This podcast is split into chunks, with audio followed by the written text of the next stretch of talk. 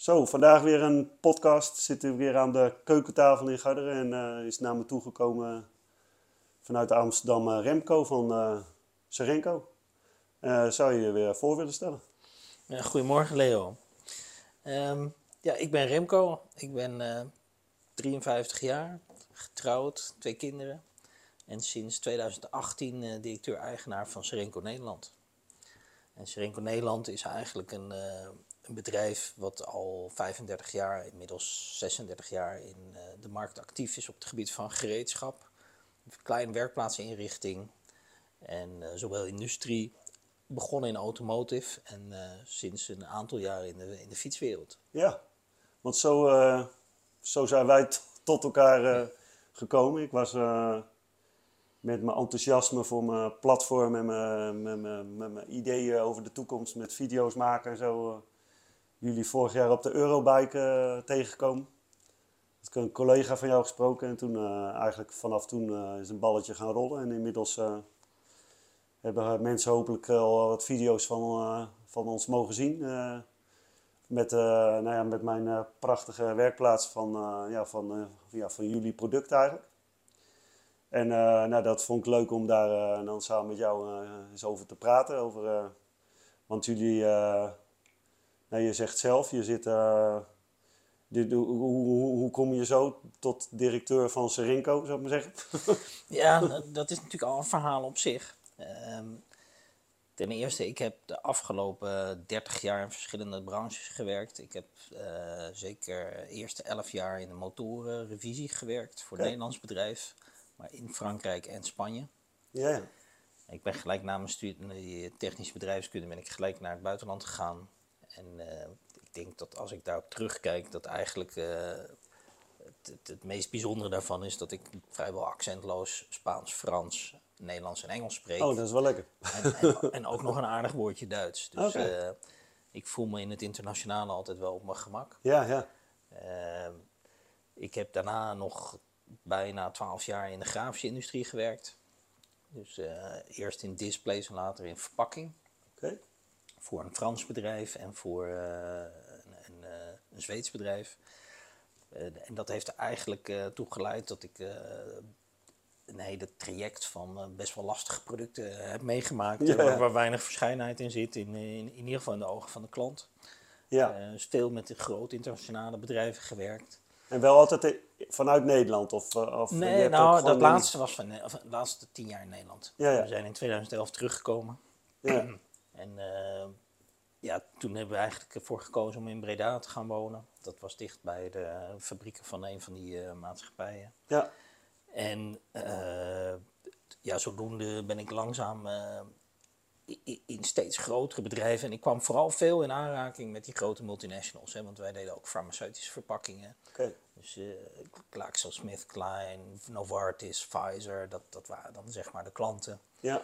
En elke keer als ik daar over de vloer kwam, werd ik steeds ongelukkiger. Die, die, die, die grote bedrijven waar er zoveel mensen, zoveel, alles over zoveel schijven gaat en uh, eindeloze Excel-sheets. Ik heb dingen in Excel gezien die de meeste mensen niet weten dat dat kan met Excel. Nee, nee, nee.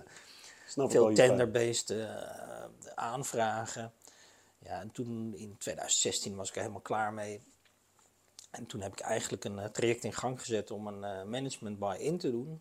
Dus je hebt eigenlijk twee vormen om bedrijven over te nemen die bekend zijn. Een management buy-out is, is, is zeg maar de grootste. Dus dat Ja. de directeur koopt het bedrijf van de aandeelhouders. Oké, ja. En een management buy-in, dan kom je van buitenaf en eh, koop je zelf eigenlijk in. Ja. Ja, ik noem dat liever overnemen, omdat eh, ja, ja, kopen, dat, je koopt niet echt een bedrijf. Hè. De, Nee. Een bedrijf kopen is altijd bij gunst en gratie van de, van de eigenaar. Ja, ja, zeker weten. Ja. En het is letterlijk zo gegaan dat ik in, eh, in de auto zat en eh, BNR eh, luisterde en daar hoorde over de Nationale Overnamedag. Ik had net ruzie gekregen met mijn leidinggevende en ik denk, dit is het moment. Ik heb me s'avonds al ingeschreven en de dag daarna ben ik daar naartoe gegaan. En toen ben ik met een club in aanraking gekomen die mij zeg maar geholpen hebben om dat traject. Want vaak als je zoiets hebt van ja, ik zou best wel iets voor mezelf willen, waar begin je? Hè? Ja, ja, ja. En eh, ik denk dat we daar straks over nog wel, hè, de autonomie is, eh, vind ik erg belangrijk. Dus een zelfstandige functie creëren voor Ja. jezelf. En in mijn, in mijn verhaal was dat echt op zoek naar die eigen verantwoordelijkheid, het eigen bedrijf. Eh, ik heb die vaardigheden, denk ik, in het verleden al opgebouwd. Ja. Maar ja, als je, als je geen vak geleerd hebt, waar begin je dan? ja, ja, inderdaad. Dus in die zoektocht ben ik geholpen door een bedrijf, maar je moet eigenlijk alles zelf doen.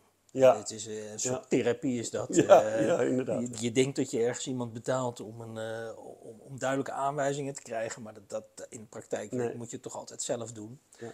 Dat is ook in mijn geval. En in die zoektocht kwam ik op een gegeven moment op Serenco Nederland uit. Eh, ja, en ik weet nog dat ik in mijn lijstje schreef te groot en te klein in de, de, daarachter. Zo van, hé, het, het lijkt heel groot, maar is, misschien is het te groot. Want eigenlijk de overname die je kan doen, dat is een heel beperkt eh, eh, omvang. Hè. Het mag niet te groot zijn, want dan kom je er financieel niet uit. Nee. En het mag niet te klein zijn, want ja, ik was natuurlijk al eh, goed betaalde Ja. professional met al twintig jaar ervaring. Dus je hebt je huis, je hypotheek. Je, Ja, je ja, wilt ja. toch niet alles weer. eh, je gaat Nee. niet als student weer opnieuw beginnen. Nee. Dus je, hebt, je hebt zeg maar, een, het is een beperkt bedrijfsomvang die je aan kan als, eh, als management buy-in. Ja, en toen ben ik dat traject ingegaan en eigenlijk die eigenaar die was in de 70, had geen opvolging en was latent op zoek. Dus hij, hij was nog had het bedrijf niet in de krant gezet, maar er moest wel wat gaan gebeuren. Ja. En op dat moment kwam ik over de vloer. En eh, ja, die klik was er eigenlijk vanaf het eerste moment. Ja, ja. Het moest zo zijn, zou ik maar zeggen. Zeggen Ja. Ik was daar ook wel heel dedicated in hoor. Want toen ik die zoektocht begon, had ik gelijk een BV opgericht. En eh, ik Ja, zeg jongens, we gaan gelijk, ik ga hiermee starten. Ja, gewoon volledig ja gezegd. Ja, Alleen ja, die zoektocht heeft wel een jaar gekost. ja, Want ik geloofde, er, ik denk in 2016 gestart, 2017, eh, op een gegeven moment geloofde ik er zelf dan bijna niet meer in. nee, En toen eind 2017 kwam ik in gesprek. ja, ja, En een half jaar later, eh, zeg maar halverwege 2018, heb ik eh, Serenco overgenomen. ja, ja. ja. Het is een Dus- hele, eh, ja, bijna geboorte vooraf of zo, hè? Is het dan? Het is een heel traject. Heel- Ik, ja, ik, ik noem dat gekscherend. Het is een beetje als, de, eh, als, als verkiezingen, hè? dus het, het proces Ja. om zeg maar, het bedrijf over te nemen. Ja. Is ook een soort validatie of je het later kan of niet kan. Ja, ja, Het- zeker Het is weten, echt ja. een, eh, een zwaar Ja. traject Ja. waarbij je steeds meer geld en energie investeert. Maar zolang die handtekening er niet staat, Nee. heb je niks. Hè? nee, 100 procent. Ja. En ondertussen heb je advocaten, financiële adviseurs, Ja, eh, ja. mensen van de bank. eh, Alle niveaus, hè? ja. Maar het, ik, ik vond het wel een heel spannend proces. En ik had wel het geluk dat ik dat natuurlijk vanuit een werkende situatie heb kunnen doen. Ja. Ik had wel die. eh, ik heb dus altijd voor eh, zeg maar eh, familiebedrijven gewerkt. En ik had het eh, eigenaar al heel vroeg in het stadium zeg maar, ingelicht waar ik mee bezig was. Ja, Maar die reageerde gewoon heel positief. En die zei: eh, joh, hou me maar op de hoogte, maar ga je gang. En als het zover is, dan hoor ik het wel. ja. Dus Maar dit is dan, het is dan, want ik zie dan op, eh, link, op de tekst zie ik wel, je hebt dan Seringo Nederland, maar je hebt ook, oh nee, dat is dan Boxo Europe. En Ja, dus dat zijn eigenlijk allemaal merken. Dus in, in feite is Rinko Nederland is, is het paraplu-merk. Ja, dat is ja. ook het bedrijf wat ik heb overgenomen. ja, En daaronder heb je een aantal merken. En een aantal merken zijn van onszelf. Dus die zijn door eh, Serenco Nederland in het verleden opgericht. Ja, ja. met name Powerhand, de werkplaatsverlichting. ja, En eh Power Start, dat is de starthulpen. Ja. Dat zijn hele bekende merken. Ja. Dat is allemaal automotive. En Ja. dat, eh, de basis van het bedrijf is wel industrie en, eh, en automotive. Waarbij automotive veruit het grootste is. ja, ja, Boxo, dat is het handgereedschap en de werkplaatsinrichting. Ja, ja. Maar dat is het bedrijf van een eh, familiebedrijf. En dat ver- verdelen wij, importeren wij in Europa. ja, ja, En dan heb je nog eh Projecta, dat is een nieuw merk starthulpen die we op de markt brengen. En nog wat andere merken. Eh, uiteindelijk zoeken wij, de kracht van Serenco is om een, een panel van producten bij elkaar te zoeken die interessant is voor onze klanten. ja, ja, ja. Waarbij- de, dat je de klant kan ontzorgen, als het ware. Ja, en dat je de, de, de Serenco staat garant voor de kwaliteit en de eerlijkheid van het product. En eerlijkheid is in mijn ogen dat het product doet wat je ervan mag verwachten. Ja, ja, dus eh, zowel nu als, als, als over een paar jaar. ja, ja. Dus eh, ook daarin eigenlijk ontzorgen, want eh, ja, als je, eh, nou ja, zoals nu mijn werkplaats zou ik maar zeggen, als je, ja, als je, je tool eh, nu kapot gaat, zou ik maar zeggen, dan, eh, ja, dan ligt je werk stil, zou ik maar zeggen. Ja, Dus je Nou ja, wil... de eh, gereedschap heeft de onaf- onhebbelijke eigenschap dat het altijd kapot gaat op het moment dat je het gebruikt. ja, ja, ja. Dat je het nodig hebt dus. Ja, vooral dat. dat vergeten mensen vaak als ze zeg maar slechte spullen kopen. Dat, dat, dat, dat, ja, Ja, als het in de kast ligt, dan voldoet het altijd. nee, dan is het, eh, dan is het een geweldig product. Ja. ik maar zodra je het gaat gebruiken, dan, dan pas kan je zien of je erop aan kan. Maar dat vind ik ook wel een mooie eye-opener voor mezelf in ieder geval naar, eh, naar, naar hoe ik de fietsenbranche zie, zeg maar. Er is vaak, eh, dat is, eh, ik maak in één, in één keer een hele rare switch, want we hadden het over wat anders. Maar die, dat ik zie dat je die fietsenbranche, nou ja, de merken, de, de, er stappen heel veel bedrijven nu in de fietsenbranche die niet nooit erin gezeten hebben, want die zien allemaal daar het soort van het geld, zeg maar. De e-bikes is de gouden wereld, zou ik maar zeggen. De Stella's en de, en de Van Moofs. Maar uiteindelijk is dat daar eigenlijk ook, zeg maar. hè, Want dat, eh, ja, als die fiets staat, dan is het een mooie fiets. Maar als die gebruikt wordt, Ja, ja en ik denk dat daar nog, dat nog meer de- natuurlijk de, wat, wat gebeurt er met de kwaliteit over de jaren heen. Ja, ja en dat is, eh, en, nou, wat het zo lijkt, is het heel vaak tot aan garantieperiode. En dan, eh, dan sta je daar zeg maar, als klant, zeg maar, twee jaar. En dan houdt de, ja, de, de- dat is nog de wetmatige garantie, zou ik maar zeggen. Want er, er wordt wel eens gebracht eh, van nee, nee, maar er zit maar een jaar garantie op. Of er zit maar zes maanden garantie op. En dan, eh, ja, hele discussies daar natuurlijk over.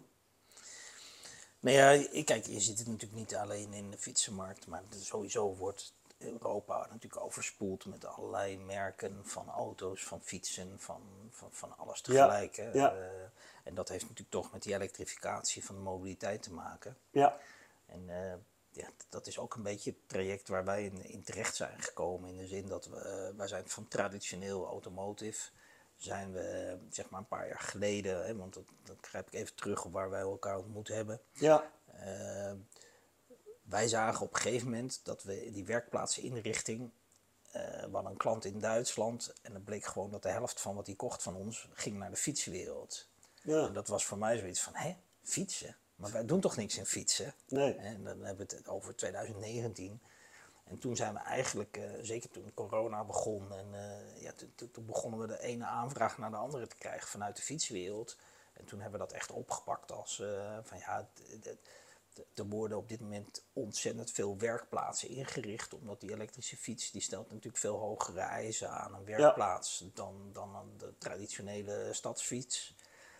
Daarop zijn we gaan inspelen om, om ook het productgamma en portfolio. eh, en, en toen hebben we eigenlijk vorig jaar ook het hele een lijn fietsgereedschap eh, als uitbreiding op het bestaande Boxo Automotive gereedschap op de markt gebracht. Ja, ja want ik heb laatst daar eh, een unboxing video van gemaakt. Hè, van de set van 88 eh ja. nou ja, fietsgerelateerde, nou, hoe zeg je dat? Zeg je dat zo? Fietsgerelateerde gereedschappen. Ja, wij noemen het eigenlijk fiets speciaal gereedschap. Ja, Hè? Dus de, ja. De, het, het handgereedschap, dat is van oudsher natuurlijk goed eh ja, de, uitgerust. de schroevendraaiers Ja, en de, de- de- kruiskopjes en de ringsleutels en de rateltjes. En de, Ja, daar hebben we echt alles van. En, eh, Ja. eh, alleen ja, en, en daar zien we ook gewoon, je ziet die markt van, van automotive en fietswereld naar elkaar toe komen. En Ja. het beste bewijs daarvan is PON. Ja. Hè, die natuurlijk eh, zowel de, de, de, de, de distributie van Volkswagen Groep als eh, meerdere fietsmerken in, eh, overgenomen heeft. ja, meer dan dit. En, en daar zien we dus ook, we hebben dit jaar echt een paar mooie successen. We hebben via klanten van ons eh QuickFit eh, Ja. vestigingen uitgerust. Ja. Eh, verschillende fietsmerken zij hebben voor ons gekozen. Ja. En, en je ziet ook in, in, in Duitsland hoe, hoe die Volkswagen groep bijvoorbeeld daar echt mee aan de slag gaat. En, Ja. ik geloof nog steeds dat, dat, dat de, de elektrische fiets, zeker het duurdere segment, de, de klanten die zo'n fiets kopen, die verwachten een hele andere uitstraling van hun fietsenmaker dan, eh, dan tien jaar geleden of twintig jaar Ja. geleden. Ja, die eh, werkplaatsen met een hele berg. eh nou, we hadden in het vorige gesprekje al even Ja. erover. Zo van, je, je had er een mooie uitspraak over. Over die. Ja, ik, ik trek altijd vergelijking met, eh Ook met Lego was het, ja. Ja. Je, je hebt kinderen die, eh, die sorteren alle blokjes op kleur en eh, kunnen gelijk het goede pakken wat ze willen hebben. Ja. Ja, kinderen die hebben alles in één grote bak en die zijn uren aan het zoeken. Ja, En ik zeg dan altijd van ja, die, die klant van jou, die, die, die betaalt jou niet voor de tijd dat jij het juiste blokje aan het zoeken bent. Hè? nee. Ja. En dat, dat was, is- dat was met name van jou een antwoord op mij dat ik zei dat ik me- met mijn werkplaats hier zo blij ben met de, de rust die het uitstraalt, zeg maar. Ik heb veel met gezondheid en vermoeidheid steeds meer gaan zien wat me stress geeft, zeg maar. En, en, en, afleiding en, en dat ik niet kan focussen op wat ik aan het doen ben. En nu is mijn werkplaats, eh, ja, je ziet eigenlijk geen gereedschap in beeld. Maar ik, ik trek een la open en ik, mijn systeem weet eigenlijk meteen al, eh, nou ja, hoe lang heb ik deze werkplaats? We- Weet eigenlijk meteen al waar het ligt. Eigenlijk omdat ik het zelf al heb ingericht. De, ja, dus dat heel proces. En, eh, en dan, ja, ik, ik, eh, ik sta eigenlijk letterlijk eh, met, met, mijn- met kont aan, aan de gereedschapkar, eigenlijk, zeg maar, in de, in in de wand. En ik, dus ik pak het en ik, heb, ik hoef niet, bijna niet te bewegen, zeg maar. En vroeger was het ja, drie stappen daarheen en zes stappen daarheen. Ja. En eh, ja, Ja, je ziet nog wel eens de discussie of, eh, de- of het opruimen van het gereedschap naar elke job, of dat nou productief is of niet. Ja. De- ja, ik- denk toch dat er op dit moment meer dan bewezen is dat dat zichzelf loont. Hè. Dus Ja. je, je doet een bepaalde job, daarna ruim je spullen op, controleer je of je niks hebt achtergelaten. Ja. Nou, is in een auto is dat natuurlijk echt een, eh, een groot ding. Ja. Bij fietsen is het iets lastiger, omdat je gewoon niet zoveel eraan kan laten Ja, en toch gebeurt het, hè? Want ik had. eh, nee, ik heb net weer eh, een paar spullen van jullie opgestuurd gekregen. Omdat ik. Ik was mijn, kni- mijn kniptang en een paar bitjes. En. eh, eh, wat had ik nog meer? Ja, wat kleine dingetjes heb Wat ik kleine gezien. dingetjes. Wat gewoon. Nou, ik heb toch echt. Dat zei ik had het laatste gesprek met Brenda ook over. Van hoe kan het nou, waar, waar laten we dat dan? We la- ja, wij hebben nog wel eens, we hebben ook een bus, zeg maar, dat we een huis repareren. Dus we kunnen nog wel zijn dat we, maar dan moet het in de bus liggen. Maar Daar lag het ook niet. daar lag het ook niet. En da- ja, dan is het ook weer zo'n ding. Dan kan ik, eh daar, daar hadden we het hiervoor ook over van, ja, dan, of nee, dat zeiden we net in dit gesprek trouwens, ja, dat je zei van, ja, dan is in één keer je gereedschap. eh, en dan, eh, ja, als ik geen kniptang heb, maar- Ja, nou ja, dan, dan, dan, dan heb je het niet. Kijk, ja, dat was meer de relatie dat je als je een slechte kniptang hebt, dan gaat die kapot op het Ja, moment dat je hem gebruikt en dan maar- kan je niet verder. Maar, maar als je hem ook- kwijt bent, dan zit je ook dat is vast. nog veel Ja. erger eigenlijk, zeg maar. En dat, komt, en dat komt toch door chaos, zeg maar. Want dat is dan echt het moment geweest dat ik, eh, dat ik veel eh, aan het zoeken, nou, me- of, me- of dan eh, voor mijn idee veel fietsen en druk en dan laat ik het allemaal liggen. Nou, dan, eh, ik, weet, ik moet hier wat fietsen doen voor, voor een stichting en dit zijn nieuwe fietsen. En dat, dat is een heel, nou, alleen al een heel uitpakgedoe met, nou, dan ligt daar binnen mijn van tijd die hele werkplaats op. ja. En dan merk ik al de onrust dat ik, dat ik er niet tegen kan. En zeker dat Brenda het nog wel een beetje hier en daar door elkaar. En ik ben echt van het sy- het systeem neerleggen, zeg maar. Dus ik knip de, knip, ik knip de, de trekbandjes door. En die knip ik nog zo door dat ik ze nog kan hergebruiken.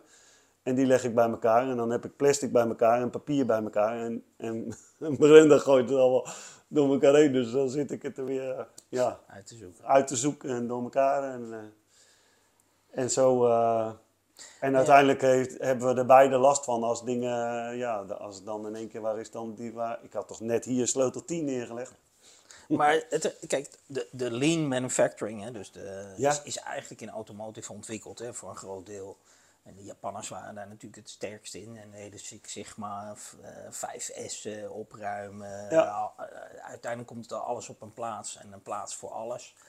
Eh, maar het heeft heel lang geduurd, zeker in automotive ook, voordat die filosofie zeg maar naar het servicenetwerk werd uitgebreid. Dus in de productie, als je in een eh, automotive productie komt, is het, dan kan je van de grond eten. Hè? Dat is Ja. eh, brandschoon. Ja, ja, zeker. Nou, die farmaceutische fabrieken waar ik vroeger gewerkt heb, daar, daar, daar kan je ook, eh, Ja, dat, dat is van moet uit boven, zodat er Nee. iets ergens blijft Ja. liggen. Ja, Dus dat die technieken zijn rendement en zijn efficiëntie bewezen hebben in het verleden, daar hoeven we eigenlijk niet over te discussiëren. Nee, ja, hoe, hoe, hoe breng je dat tot uitvoer bij jouw lokale werkplaats? ja, Nou, en dan komt eigenlijk Boxel om de hoek kijken met van nou, hoe, hoe kunnen we een werkplaats zo inrichten dat je eigenlijk een soort mini fabriekje krijgt waarin Ja. alles overzichtelijk is. Ja. Hè, die efficiëntie.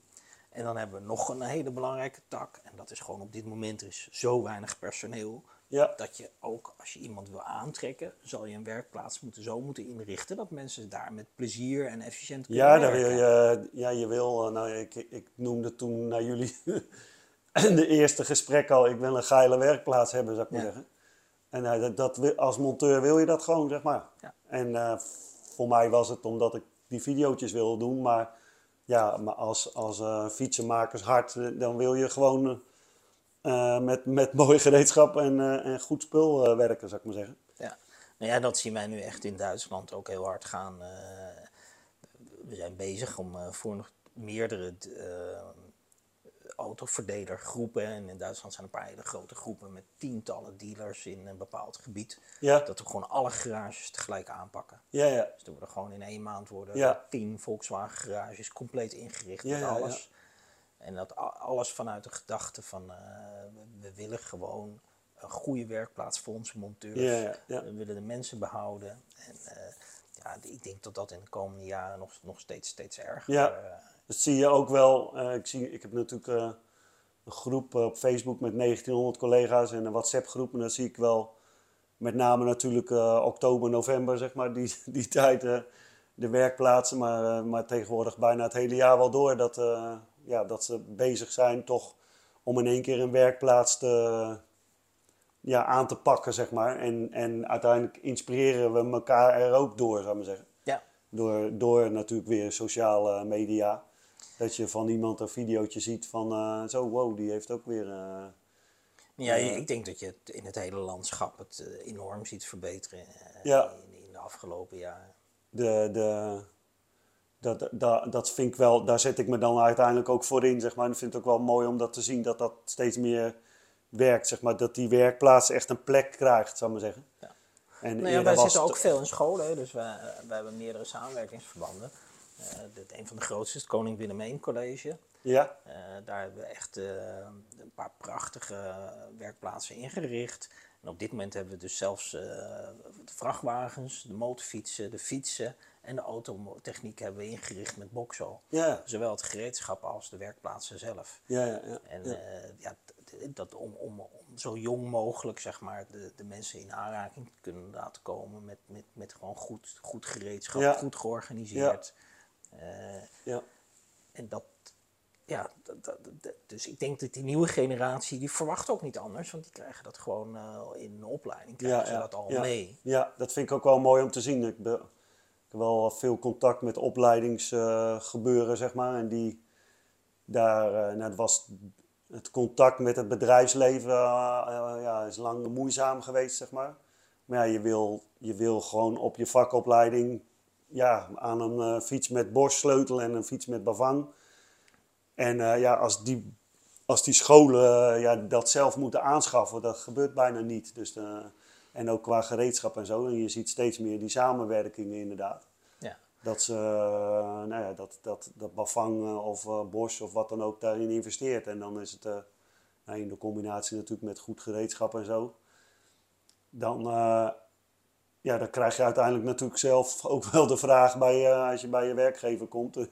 en je moet... ik ja, heb- ik denk dat die jongens dan ook veel beter kunnen kiezen van, goh, is dit een bedrijf waar ik wil werken of niet? En want dat, Ja. dat, dat, dat krijg je Ja. gewoon. Hè. De, Ik had zelf bijvoorbeeld een keer. eh, ik was dan eh, trainer van de Tweewieler Academy. En dan was ik een keer bij een, bij een leerling eh, in, de werkplaats. En die zag ik hem aan een ketting prutsen, zeg maar, om hem aan elkaar te maken. En toen zei ik van, heb je geen kettingpons? En toen zei hij, oh ja, wat was dat ook alweer? Wat was dat ook alweer? Nou, en dan heb je het over een kettingpons. Hè? Nou, ik denk dat ik die wel vijf keer per dag in mijn handen heb. Ja. Dat ik weer een nieuwe ketting en tandwiel moet vervangen. En dit was, volgens mij was het zelfs een derieurfiets. Ik Kan, dat kan ik me niet meer herinneren. Maar toen kwam die met zo'n heel klein eh, mini takstoeltje aan. Dat ze, die hadden ze als kettingpons. Nou, daar kon je eigenlijk kun je daar niet eh, professioneel eh, een, een, of op een veilige manier die, die, die pins eh, mee pinnen. En, en, en hun deed het eigenlijk gewoon met een, met een tang in elkaar kn- knijpen, zeg maar. En toen heb ik die, die, eh, die eigenaar ook erbij geroepen van ja, dit, dat dit niet kan, zeg maar. Wat, wa- als je dan niet snapt wat de gevolgen kunnen zijn wanneer er een klant. Nou, dan is het antwoord altijd van ja, dat is mij nog nooit gebeurd.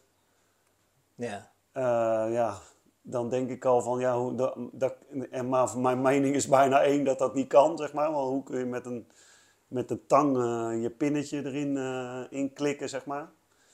En uiteindelijk gaat het daar natuurlijk, mijn woorden zijn, kernwaarden zijn efficiënt, duurzaam en veilig, zeg maar. Nou, die, die kwam ik op die, de- dat zie ik dan nu, dat ik daar dan 15, 20 jaar geleden eigenlijk ook al mee bezig was. En dat me dat triggerde, zeg maar, dat, dat, ja, de, ik, dacht dan, ik dacht al aan die klant, zeg maar, dat je daar gewoon een keer aanzet en dat dan gewoon je ketting in tweeën breekt, zeg maar zeggen. Ja, maar ik denk dat dat, dat is natuurlijk ook, eigenlijk zit een beetje in een technieker eh, ingeboren. Van, we zoeken altijd een oplossing. Ja, Er komt altijd een oplossing. Ja, ja, ja. Maar als je geen kettingpons hebt of je weet niet nee, dat is ook hoe, zeker hoe dat waar. moet, dan, Nee. ga je, eh, Ja. ga je oplossingen zoeken.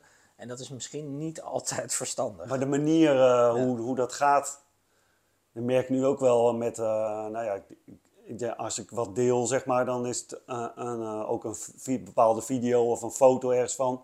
Ik had laatst eh, had ik een stuurlint gewik- gewikkeld op een fiets en dat was een wens van de klant, zal ik maar zeggen. Die klant die had een, een heel mooi kurkachtig stuurlintje. En eh, ja, ik zei van ja, liever doe ik deze er niet op, want het is veel te dun, dus ik heb kans dat die breekt. En, eh, en, maar ja, hoe wil je hem hebben? Ik doe, hem- ik doe hem zelf altijd van bovenaf het sturen en dan naar beneden. Nou, ik, maar ik was gewoon, postte dat die dat stuurlint erop gedaan had. Nou, ik, kreeg- ik kreeg me een reacties van collega's dat het niet goed gedaan was. Ja. En eh, dat kwam omdat ik bovenaan was begonnen. En volgens de fietsenmakers hoor je onderaan te beginnen in het stuurlint. Nou, en als je dan mijn familie eh, hoort, of vrienden of zo, die zeggen dan van... Wie zijn die mensen allemaal die reageren op jouw berichten? En ik zeg, ja, dat zijn dan fietsenmakers. En dan is er eh, eigenlijk de vraag van, ja, wat, is er eigenlijk wel iets goed of zo, zou ik maar zeggen. Nou, er was dus een mening, er was dus fout omdat ik bovenaan beging. En toen zei ik, of toen zei een collega eigenlijk zelfs, die het dan, nou ja, als je het dan, dan krijg je een soort kampen, zeg maar. Hè? Je Ja. bent het ermee eens of oneens. Maar je hebt tegenwoordig van die sturen met carbonsturen met bovenaan is het carbon en plat. En daar heb je dus eigenlijk geen stuurlint, maar dan begint het pas bij je remhendel. Dus dan ga je vanaf daar eh, dan ga je, je stuurlint draaien. En dat doe je van bovenaf naar beneden. Maar hun gaven dus aan dat van boven naar beneden niet goed was. Dus toen zei hij van ja, waarom, hoe doe je dat dan als je dan eh, nou, met zo'n plat bovensturen hebt? Nou ja, dan, dan reageren ze niet meer, zou ik maar zeggen. Maar, maar eh, ja, er is dus eigenlijk geen goed of fout of je hem van boven naar beneden doet of van onder naar boven doet. Maar daar zijn dan hele dis- discussies Ja. over, zou ik maar zeggen. Nee, oké, maar dat, kijk, er zijn natuurlijk altijd verschillende manieren hè, de, eh, om, bepaalde Ja. dingen tot oplossing. Ja, Nou, ik denk dat vaak, eh, wat dat betreft, is YouTube je beste vriend. ja, Dan kan je in ieder geval nog kijken hoe verschillende mensen het doen en, eh, Ja, en daar zeker. inspiratie uit ophalen. hè. Dat, dat, Ja. dat, dat is natuurlijk de kennis die nu beschikbaar is. Dat is wel apart van deze tijd, vind ik. Dat je, je kan bijna alles opzoeken op Ja. YouTube. ja, ja, zeker. Ja, ja, daar ben ik natuurlijk nu zelf ook mee bezig met, met mijn video's maken, zeg maar. Wat ik mezelf in de fietsenbranche of als fietsen tegenkom is, zeg maar, je hebt een opdracht met eh, eh, binnenband voor vervangen. Ja, dan heb je daar eh, heb je, nou, je, heb je al verschillende soorten remmen, zeg maar. Hè. Je hebt een rollenbreak, je hebt een V-break, een cantilever, eh schijfrem. dan heb je de, de verschillende manieren hoe het wiel vast zit. Met een snelspanner of een steekas of een asmoer of een voorwielmotor. En, maar er, is dan, er zijn maar een bepaald eh, soort filmpjes, maar er zijn heel veel mogelijkheden. En wat voor vertiel heb je? Een Frans vertiel, autovertiel. eh de- en eh, wat ik dan nu ben gaan doen, is dat overal kleine video's van, zou ik maar zeggen. Ja. En dan ook, nou ja, aansluitend voor, voor Serenco dan, of Boxo, ook de juiste tool erbij gebruikt, zeg maar zeggen. Dat je vaak ziet dat er bijvoorbeeld op een asmoer een steeksleutel gebruikt wordt. Ja, terwijl een ringsleutel eigenlijk natuurlijk eh, ja, beter is. Of, of dat je er een speciale tool voor hebt. Je voor velen heb je een momentsleutel bij zich nodig. Dat je een dopsleutel, dop erop zet met het juiste moment aan te draaien. Nou ja, dat probeer ik dan nu eh, met die video's. eh, dan, gelukkig krijg ik daar wel wat minder commentaar op. Alhoewel, ik had een binnenband ergens van vervangen. En het ging dus echt voor mij om de binnenband vervangen. Maar je zag eh, eh, de anti-leklaag, het groen, eh, zag je er doorheen komen. Nou, toen kreeg ik dus allemaal commentaar dat ik eigenlijk ook beter eigenlijk meteen de buitenband kunnen vervangen. En dat was eigenlijk ergens wel mijn insteek dat mensen dat gingen zien, zeg maar. Maar het werd als fout voorbeeld uh, beoordeeld, zou ik maar zeggen. Ja. ja. Kijk, met dat soort initiatieven heb je natuurlijk altijd mensen die... Uh, en, er zijn, en, er zijn, altijd weer ervaringen dat, dat het toch weer anders moet of dat het ja. niet lukt. Uh, ja. ja. De techniek is wat dat betreft breed en... alleen ja, je, je moet ergens beginnen. Dus er is altijd een, uh, een standaard manier. Probeer je toch van nou, zo zou je dit kunnen doen. Ja. En, en dan, nou ja, ik geef het ook aan voor mijzelf vanuit van nou ja, dit is een optie hoe ik het geleerd heb. Ja. En hoe ik het mensen geleerd heb, ik maar zeggen. En daarna zal de ervaring. En, en dan, de, uh, ja, ja, dan is het inderdaad altijd. Uh, en het, de, ja, de, de, nee, dat is gewoon eigenlijk ook uh, mooi toch? Dat er ja, en, en heel veel manieren zijn en mogelijkheden. En ieder uiteindelijk mooi om daarin iedereen zijn waarde te laten. En voor mij is het wel steeds meer die, die consument. Daar zit eigenlijk wel de pijn uiteindelijk, zeg maar. Want als, uh, als je nu, ja, ik denk heel veel mensen, de, als ik maar noem mensen met een Stella of een vermogen of om twee pijnlijke eruit te halen. En je hebt nu een lekker band dan ben je denk ik bij Stella 35 wachtende voor je en twee maanden verder voordat je band gemaakt wordt. Nou, mij als fietsenmaker raakt dat, zeg maar, omdat ik uh, denk van ja, uh, de, die, en dat gaat het mij meer om het gevoel wat ik heb als fietser, dat als ik niet zou kunnen fietsen, ja. die nee, vrijheid, ja, zeg maar. Dus de, ja, de, de, de, technische sector kampt natuurlijk met een gigantisch personeelstekort. Dat ja. is overal. Uh, ik denk zelfs dat het in automotive is het hetzelfde. Hè? Als je een afspraak maakt voor je auto. Ik ben laatst met mijn auto naar de garage geweest. Ik denk dat ik blij was dat ik binnen drie weken een afspraak kon Ja. maken voor een reguliere beurt. Hè? Dus dan is er nog niks mis mee. Nee, nee, nee, nee, nee, als er dan wat mis is. Als er mis is en je kan drie weken niet rijden, dan eh, breekt natuurlijk de, Ja, de pleuris uit. Want Ja. Ik heb dat ding wel nodig om naar mijn werk te gaan. Dus ja, eh, dat, dat is echt een issue. Alleen ja, de consument heeft daar natuurlijk toch de vrije keuze om, eh, om, om de fiets en de service en de, eh, de dingen uit te kiezen die, Ja. die daarbij horen. En maar in de, in de autobranche merk ik zelf, daar is nog, je hebt nog een APK of zo, zou ik maar zeggen, dat het verplicht is dat je fiets nagekeken wordt. ja, Eh, Er is iets moois gekomen bij de e-bikes, is dat, er, dat je een herinnering erin kan zetten. En dat, dat resulteert in dat mensen in een soort van stress nog wel eens eh, eh, ons zeggen van... eh, ja, maar daar staat zo'n tekentje in en dan moet die fiets in één keer nagekeken worden. Maar vroeger, of ja, nou, eigenlijk vroeger hoef ik niet eens te zeggen, nog niet heel lang geleden werd die fiets eigenlijk nooit neer, nagekeken. En in mijn beleving was, is het zelfs 80% rijdt door tot de fiets stuk is. En dan is het in één keer help. ja maar dit, dat zijn natuurlijk met, de, met, met de nieuwe fietsgeneratie, met al die elektronica erop, dan krijg je weer een hele andere... eh, ik, ik had in mijn studententijd een barrel van, eh, van een paar tientjes. Ja, En daar deed je het mee. ja, ja.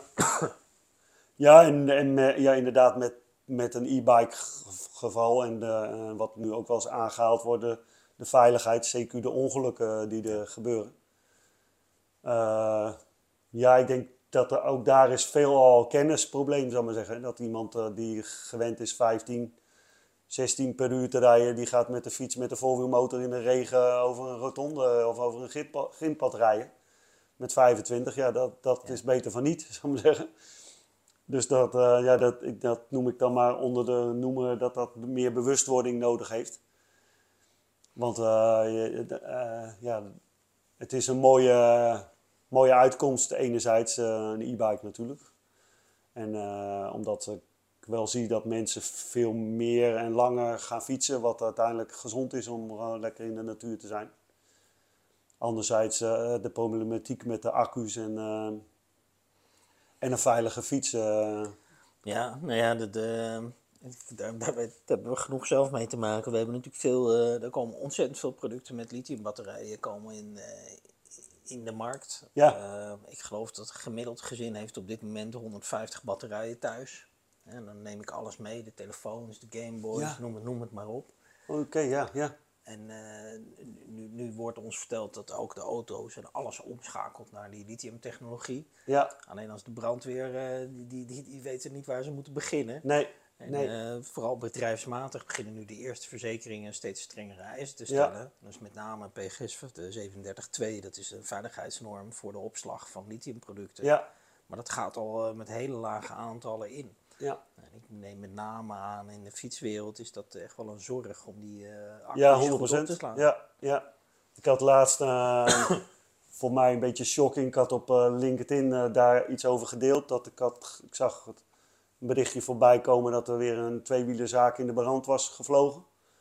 En toen deelde ik dat en eh, ja, daar werd door, eh, nou zelfs door, in mijn beleving, invloedrijke mensen in de branche benoemd eh, dat ik niet zo onrust mo- moest stoken, zeg maar. Ja. Maar het is voor in mijn beleving een vet probleem, zou ik maar zeggen. En mij raakt het enorm, want ik, ik verplaatste me eigenlijk meteen in die... En, en daar zie ik wel dat ik daar vaker zit, zeg maar. Ik ben, ik ben ook, ook be- bezield, ja, dat is wel een mooi woord. Bezield met het lot van de fietser, zeg maar. Omdat ik zelf eh, heb ervaren wat een vrijheid dat geeft. En uiteindelijk eh, zit ik dan, eh, ben ik dan veel als fietsenmaker. En dan ben ik ook met het lot van de fietsenmaker. Maar ik ben dus onderdeel van dat die fiets goed en veilig kan zijn, zou ik maar zeggen. En, eh, en, eh, ja, eh, en, da- en dat voelde ik ook raak bij zo'n eh, ja, zo'n collega. Ja, dan, als je toch je hele pand in de vlammen ziet. eh, Nou ja, de, de brand is alles verwoestend. Dat zei laatst mijn verzekeringsadviseur nog. Daar heb ik nog wel van wakker gelegen. Zo van ja, dat is inderdaad de grootste uitdaging. Want de meeste bedrijven, die zijn na een brand, zijn ze na een jaar failliet. Hè? Ja, Dat, dat, dat is heel lastig Ja. om te overleven. ja, Zelfs bedrijven die goed verzekerd zijn, die komen toch snel in de problemen. Omdat ja, je, je hebt gewoon niks meer. nee, Dus ja, het is toch aan iedereen om, eh, om daarover na te denken. ja, En met name die retourstroom, hè, dus de, de, de kapotte fietsen of kapotte accu's. eh, ja. Het ergste is dat je niet, gewoon vaak niet weet ja. Je kan Wat- ook niet heel makkelijk testen. wat eraan is, zeg maar. Ja. Ik heb al eerder ook in de podcast verteld dat ik va- van een klant die zei 100% zeker, dat is niet gevallen. Nou ja, drie weken later zie ik eigenlijk die fiets en de, en de dochter. En die dochter had toch echt de arm eh, behoorlijk gekwetst, zou ik maar zeggen. En de gezicht. En, en die was gewoon gevallen. En dan zie ik ook de fiets. En, en ja. ja, toen zei ze, ja, oh, dat wist ik eigenlijk niet. niet. Nou ja, dat kun je bijna niet zeggen als je die dochter en die fiets zo ziet. En eh, de discussie was omdat ik een accu in een lege packing van de, van de accu eh, revisiebedrijf had gehad. Want die wilde hem gewoon niet meer opsturen, de, de accupack. Ja. Omdat die gewoon, gewoon dusdanig gevaarlijk was. En dan krijg je hem dus, ja, wie wil dat nog hebben, zou ik maar zeggen. Maar die klant wilde hem eerst nog hebben, totdat ik uitlegde. Ja, u wilt toch niet dat dat DHL-busje in de brand eh, vliegt, zou ik maar zeggen. En dat u daarvoor aansprakelijk gesteld wordt. Want dat zou het geval zijn, maar die fabrikant zegt eigenlijk al, ik ga dit niet eens opsturen. Want mag niet meer. en, en u mag het zelfs niet eens daar op komen halen, omdat, dat, omdat anders u in de auto dat kan overkomen. Die, die man neemt verantwoordelijkheid voor u. Nou ja, toen, toen kwam dat pas binnen, zou ik maar zeggen. En dat die mevrouw ook in één keer dacht van ja, ja shit, ik heb dat ook gewoon aan maar niet gezegd. Dat... En zo is het vaak, zeg maar. Hè. We, nou ja, hoe snel gebeurt het niet dat je, van, dat je toch een accu laat vallen? Je legt hem, eh, nou, dat ligt hier eh, op de rand van de tafel heen. Ja, de, eh, je hoeft niet zo, ja, ja kan, je kunt zeggen dat gebeurt mij niet. Nee. Maar hoe heb, je het, hoe heb je het geregeld, zeg maar, in je werkplaats inderdaad? En, of bij consumenten thuis ook, hè? Ja, ik, ik denk toch dat, dat daar, maar goed, dat is mijn mening, de, de, het design of de, de manier waarop het product ontworpen moet zijn, moet die val kunnen overleven. Ja, dus ja. die- als, als, het, als het zo gevaarlijk is, dan hebben we in feite bij al onze producten doen drop tests tot 1 meter hoog. ja, ja, ja. Alles. ja. Ik En bedoel, bij een kan- accu moet je bij een en accu kan kijken. je niet laten vallen. Ik van nou, volgens toch mij is er iets mis Dat in het, vind ik eh, wel in hele, het ontwerp. hele keiharde inderdaad, ja. Want dat is gewoon... Als je daar niet naar... Ja, daar, daar wordt niet naar gekeken, zou ik maar zeggen. Ja, Laat dat, laat, moet je dat eens proberen, een accu van een meter laten vallen. Dan kun je hem gewoon niet meer gebruiken, toch? Dan, dan, tenminste, het risico. ja Ik- je zou ik moeten vraag- kijken, maar ik denk Vraag dat... me af welke, welke accu dat überhaupt zou... eh, Nou ja, die En de meeste producten zijn, hebben wel droptest gedaan hoor. Want dat Ja. hoort wel bij veel eh, specificaties. Maar ja. Kijk, de voorzichtigheidshalve is het natuurlijk altijd beter om, eh, om, om, om als iets gevallen is te gaan bekijken. Dus uiteindelijk is het, als je een helm op hebt en je valt ermee, Ja. dan mag je, moet je hem Ja. ook eh, vervangen. moet je hem vervangen, ja. ja. Maar En ook eh, eens in de zoveel tijd, zou ik maar zeggen. En dat is, eh, dat is wel een dingetje inderdaad. Dat. En ook, eh, nou ja, wat ik wel eens van schrik is dat soms eh, dat de accu's al na drie jaar dan al op zijn, zou ik maar zeggen. ja, Ja, terwijl, ja, ja. En dat is ook de hele maatschappij dan bijna. Je, je- na, eh, na drie jaar ruil je je fiets in. En dan denk ik van, ja, we hebben ook zo'n slogan, zeg maar, eh, geef je fiets een tweede ronde, want weggooi je zonde. Maar dat, dat- dat is bijna niet meer. Je moet gewoon na drie jaar een nieuwe fiets kopen. Dat is bijna een soort norm. En, eh, dat, dan, en ja, dan zit, omdat je dan nou, qua garantie of, of hoorde laatst ook bij de ANWB, die heeft, had een onderzoek gedaan dat 2%, 2% van hun, hun leden eh, wil, waren maar eigenlijk maar bereid om een tweedehands e-bike te kopen. Nou, waar blijven dan die tweedehands e-bikes allemaal, zeg maar, als van, van 5 miljoen mensen 2, miljoen, 2% eh, ja. nog geen tweedehands eh, accu fiets wil kopen, omdat ze, nou, omdat ze eigenlijk ja, het risico te groot vinden. Wat, wat gebeurt er met die, eh, met, mijn, met mijn motor of met mijn controller of eh, hoe goed is dat allemaal? Maar ja, en dan, eh, nou, dan wilde de ANWB er specifiek een, alleen maar een accutest bij doen. Alleen, ja, dat is heel verstandig enerzijds, maar met een accutest weet je nog niet heel veel, zeg maar. Omdat ja, dan weet je alleen de staat van de batterij, zeg maar. maar ja, maar ook de staat op dat moment. Ja. Ik heb wel eens gehad eh, dat een accutest en twee weken later was die kapot, zeg maar. En, dus, dus, en mensen denken meteen van, ja, dan heb ik een garantie dat het al goed is. Dus de, de beste test is eigenlijk, want dan gaat het vaak over de actieradius, zeg maar. Hè, is dat je, eh, nou ja, of jij op eh, die e-bike buiten rijdt of ik rijd erop, dat is al een wereld van verschil.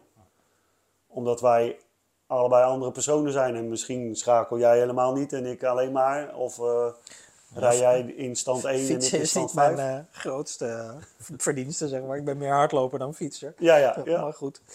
Nee, ehm, Maar niet ondersteund eh, hardlopen. nou ja, niet onderstaan. Ja, daar moeten ze nog iets op Kan dat vinden. nog? ja. Eh, ondersteund hardlopen. Nou, ik heb wel in, in Barcelona, ik heb dus de 4,5 jaar, 5 jaar in Barcelona mogen wonen en werken. Ja? Zo zeg ik het ook goed, want zo voelen die mensen dat daar. Ehm, en daar heb ik heel veel gemountainbiked. Dat is Ja. een fantastisch gebied. eh. Je hebt daar achter Barcelona heb je een heuvelrug. En daar is ook een gigantische Ja, eh, de fanbase voor de mountainbike. Ja, dus je, je ziet gewoon hoe die, hoe die fiets toch overal, en ook in Barcelona was dat, dat, dat fietsverhuur is natuurlijk, eh, dat zie je in alle grote steden van de Ja. wereld, zie je dat echt wel opkomen. Ja. Ja, dan heb je, dat is een stad die ligt tegen een berg op. Dus s ochtends zijn alle fietsen bovenop de berg. En s'avonds zijn ze allemaal aan het strand. Ja, dus dan moeten weer busjes, moeten die fietsen omhoog slepen. Dus hoe duurzaam is dat? Ja, ja.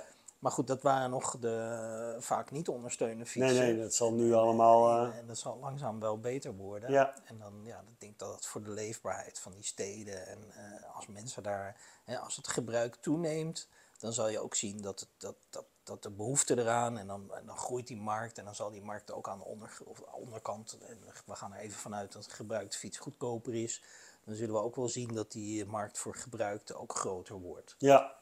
Ik vind sowieso, weet niet, niet iedereen kan zich een fiets van 3000 euro veroorloven. Nee. Hè, dus, eh, Nou, je hebt nu bijvoorbeeld, eh, ik werk ook wel voor een merk Shure. En die hebben een accu wat, waar, wat eigenlijk geen accu zou, als naam zou moeten hebben, maar meer met een condensator. ja. En die eh, zit dus bijna geen eh, lithium in, dus die is niet brandgevaarlijk. Die is binnen 7 minuten 70% geladen en binnen een half uur 100% geladen. Ja, dat is eigenlijk een heel eh, vet probleem eh, opgelost. Eh, de brandveiligheid, eh een van de belangrijkste. En die eh, accu, of nou ja, laten we het een accu noemen, die zit in het frame, zeg maar. En die blijft ook gewoon erin zitten. En eh, ja, je, eh, in hoe, hoe kun je dat zeggen? Maar men zegt dat dat gewoon 15, 20 jaar meegaat en altijd dezelfde actieradius heeft. En nu zien we dat een eh, accu elk jaar 20% afschrijft. Ja, ja ik, als ik, ik, ik vind dat veel hoor, want dat is in ieder geval niet de, de, de ervaring die wij hebben. Wij hebben ook veel accu-gereedschap. Ja. En, startbooster, starthulpen, daar zit natuurlijk ook een, eh, een accu in. Ja, En, eh, kijk, traditioneel loodzuur, dat is natuurlijk gewoon na twee jaar is het over. Hè? Dat is ook waarom je vaak eh, in je auto om de zoveel tijd een nieuwe accu nodig hebt. Want het Ja. meeste wat in auto's zit is nog steeds loodzuur. ja, ik denk toch dat de elektrische auto heeft uitgewezen dat die nieuwe accutechnologieën dat die best duurzaam zijn. In de zin van na, na 5, 6 jaar heb je nog steeds 80, 70, 80 procent van, van je capaciteit. Ja, fietsaccu's ken ik niet goed genoeg, maar, maar ik, ik ben ervan overtuigd dat dat in de komende jaren toch ook echt wel heel snel beter zal worden. ja, Kijk, wij hebben een aantal tools. Je hebt natuurlijk in elk bedrijf heb je, heb je tools die wel lopen, dingen die niet goed lopen. We hebben één product ooit ingekocht wat, wat absoluut niet loopt. Het komt uit 2016 zijn die op voorraad gekomen. ja. Die pak ik nu uit de voorraad, doe je in de tool en die loopt gewoon nog. Hè? Die komen maar eh, 60% opgeladen uit, eh, Ja, ja, ja, ja. uit de fabriek. Dat, dat mag ook, dat En- moet ook zo. Uit 2016 en gewoon woep, nog Ja? 60% vol en doet het gewoon. Oké. Dus ja, er zijn echt wel oplossingen. Dus als, als, als, die, als, als dat soort accu's zo slecht zijn, dan denk ik van nou, ja, volgens mij is daar ook technisch nog Ja, je merkt wel, eh, verbeteringen. bijvoorbeeld, het zijn wel eh, de wat oudere fietsen, Batavus Sparta, die als eerste begonnen met de banaanaccu en zo, die zie je wel eh, na 8, 9 jaar. En Bosch-accu's ook wel. Maar eh, veel van de rest is eigenlijk eh, allemaal, eh, ja, die moet blij zijn als het vijf jaar haalt, zou ik maar zeggen. En dan is het natuurlijk wel, het gaat uiteindelijk over de actieradius natuurlijk. Hè. Als je een 10 ampère uur accu hebt, en je kunt vij- 50 kilometer rijden. Ja, en schrijft 20% af. Dan is het Ja. natuurlijk niet 0% na vijf jaar. Want het is eerst 80% en dan 20% over 80. Dus dan hou je misschien iets van 30% over na vijf jaar. Maar ja, 30% van 50 kilometer is natuurlijk Ja, daar kan je er niks meer daar kun je je ritje niet meer rijden. Dus dan is die misschien niet op of dood. En dat is natuurlijk met je accuboor ook. Van ja, dan kun je misschien nog twee schroeven vastzetten. En, Ja. en, en, en, daar, en dat is natuurlijk afhankelijk van gebruiken. Met fietsen, ja, mensen willen gewoon, eh, ja, weer, daar, daardoor neem je een e-bike dat je misschien eh, een ritje van 30 of 50 kilometer kan fietsen. En als die dan, eh, ja, en dat zie je veel natuurlijk, eh, de, een grotere capaciteit accu is duurder. Maar die consument denkt van ja, eh, die, die fiets is al zo, duur. Ja, doe maar gewoon die, die lage capaciteit accu. En je ziet wel, eh, wel verandering daarin komen dat mensen zeggen van ja, ik neem een grotere capaciteit accu. Want dan kun je natuurlijk wel over vijf jaar nog, nog je 50 kilometer ritje rijden. Dus daar, eh, ja, en waar gaat dat dan over? Dat gaat ook over ervaring en over wetenschap. En uiteindelijk is het ook wel fijn als het product inderdaad, eh, wat je zegt, eh, beter, duurzamer. Dus ook een mooi punt inderdaad is wel waarom die accu-casing niet Ja, niet, waarom, waarom die niet beter is. veiliger is inderdaad.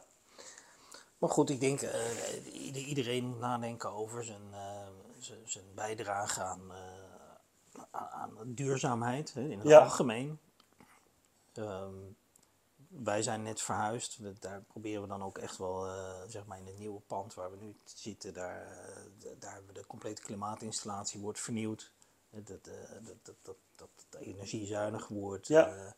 We zijn aan het kijken naar zonnepanelen, maar dat, dat, dat- je, leert dan al heel snel dingen waar, die ik nooit voor mogelijk had gehouden. dat je, als bedrijf kan je niks terugleveren. Ja, alleen maar hordes en, en beperkingen. En ik denk van ja, de hele omslag moet nog komen. En als je ziet hoe, hoe, hoe moeizaam het nu al gaat, dan denk Ja. van nou, dat, dat liggen echt opgaves. Dus ik ben altijd blij dat ik eh, dat soort beslissingen niet hoef te nemen, want dat lijkt me erg complex. Maar eh, ja, wij denken toch dat eh, de, de, de repareerbaarheid, daar moeten we voor blijven vechten. Dat, dat fabrikanten producten op de markt brengen die ook in de tijd repareerbaar zijn. Ja. Het is servicen, ze moeten blijven doen. En dan kom ik een beetje terug op die eerlijkheid. Ja. Je, je, je- we willen gewoon in de maatschappij producten die doen wat ze beloven. En ook, ook na verloop van tijd. Ja. Ja. En als je dan inderdaad allemaal, eh, ja, bedoel, eh, je hebt ook kinderen gehad, al die Chinese meuk, eh, wat je, eh, de kleurpotloden die nog geen na een half uur al uitgedroogd zijn, of die stiften en, en eh, allemaal weer bij het vuilnis, daar word je toch diep ongelukkig van. Ja, ja. Ja, en op de een of andere manier, dan merk ik zelf ook, dan ga, gaat dat niet zo, da- dan, dan gooi je dat weg en dan koop je weer iets anders. Of je koopt zelf gewoon iets via, via Ali of zo. En, en maar, of je trapt weer ergens in voor een een of ander apparaatje. Ja, valt maar, altijd en, tegen. eh, en, eh, maar wat gebruik je er nou werkelijk van, zou ik maar zeggen? Nou, dat is dus een stukje eh, zelfdiscipline. Dus geen, Ja. geen spullen kopen die je niet gaat gebruiken. De Nee. meeste zijn natuurlijk toch Ja. Maar dat zie je zo, hoe de, hoe de marketing en hoe alles werkt. Dat je dan... Ik heb dat zelfs al, nou, ik denk al een paar keer met me afgesproken. Nu, nu, ga ik, nu koop ik niks meer en dan zie ik toch weer een dingetje. Of eh, dat ik denk, wat is dat dan? Dat ik er dan beter van moet worden of zoiets. En dan is het in één keer, eh, en dan... nou, ik heb daar nog een, een, een doosje liggen. Zei Brenda laatst nog, je hebt laatst nog een pakje gekocht. Nou, de, ik heb dus iets gekocht, maar ik weet al, al, al lang niet meer wat erin zit. En ik heb het ook nog steeds niet geopend. Oh god. Nou, hoe belangrijk was het dan, zeg maar? Waar, waar, wat is dat in een mens dat je... je weet Ja, het nou, zwak van geest. Dus, eh, ja, we worden snel eh, getriggerd. Dan denk ik van, oh ja, dat is handig. En dan komt het. vond ik dan op dat moment, en dan, of dat zie ik wel met trainingen of dingen die ik gekocht heb of gedaan, en denk ik van ja, waarom heb ik dat eigenlijk gedaan? Of waar heb ik dat dan mee, eh, waarom moest ik dat dan weer nog tot, tot me halen? Of, of inderdaad, nou daar word ik me steeds inderdaad met, met spul ook. Eh, ja, en met de werkplaats is dat ook. Je kunt wel steeds meer en mooie gereedschap en dan dit erbij en dat erbij. En eh, ja, wat gebruik je uiteindelijk? Ja. Nou, dat is, dat is een leuke, want we hebben natuurlijk eh, veel sets, eh gereedschap. Dus je hebt eigenlijk twee keuzes bij ons. Je kan kiezen om een set te nemen die wij hebben samengesteld, of je kan zelf aan de slag met de configurator. Ja, En dan gaat het met name dan om, we, hebben een, we hebben grote sets met meer dan eh, 600 tools erin, waarbij je alles in drie smaken hebt, of soms in vier smaken. Qua Ja, drie achtste, half duims en dan nog in verschillende lengtes. En, eh, en zo kom je op steeds grotere sets.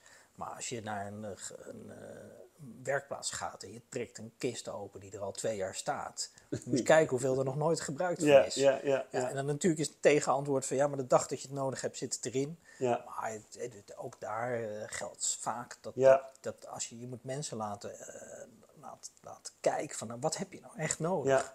En dan kan je daar best Ja. wel op, eh, op Ja, besparen. het is wel ook, van de week was hier een collega uit de Putten die had, eh, die zei, eh, eh, Leo heb je zo'n tool eh, voor zo'n Kampa racefiets van eh, een jaar of tien oud? En ik dacht van ja, ja, dit heb ik wel. Ik zeg of dit zit in mijn Boxo set of dat zit in mijn, in mijn, in mijn oude set heb ik misschien nog wel bewaard. Ja. heb ik zo'n bak met oude adapterafnemers, zou ik maar zeggen. En, eh, nou, wij, en dan heb ik in mijn bus nog één eh, liggen en alles erbij gesproken, maar ik had hem gewoon niet.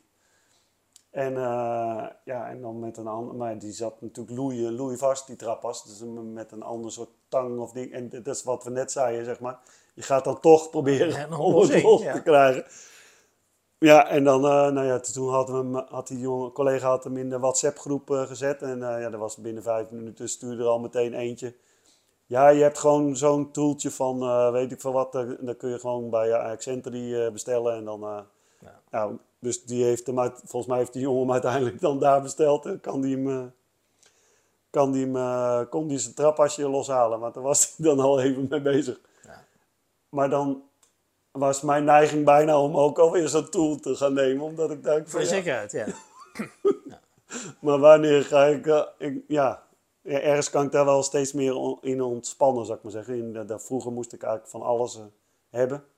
Ik merk wel eh, eh, de, de prettigheid van eh, wat ik nu heb in de werkplaats, dat ik dat ook in de bus eh, wil hebben, zeg maar. En daar zijn we natuurlijk met Sorenko, eh, gaan we daar eh, ook naar kijken, zeg Ja. maar. eh, naar de mo- mogelijkheid, eh, toekomst, eh, om dat te verbeteren. Dus daar kijk ik al naar uit, zou ik maar zeggen, dat, eh, dat ik de rust ook in de, in de werkplaats, in de bus heb.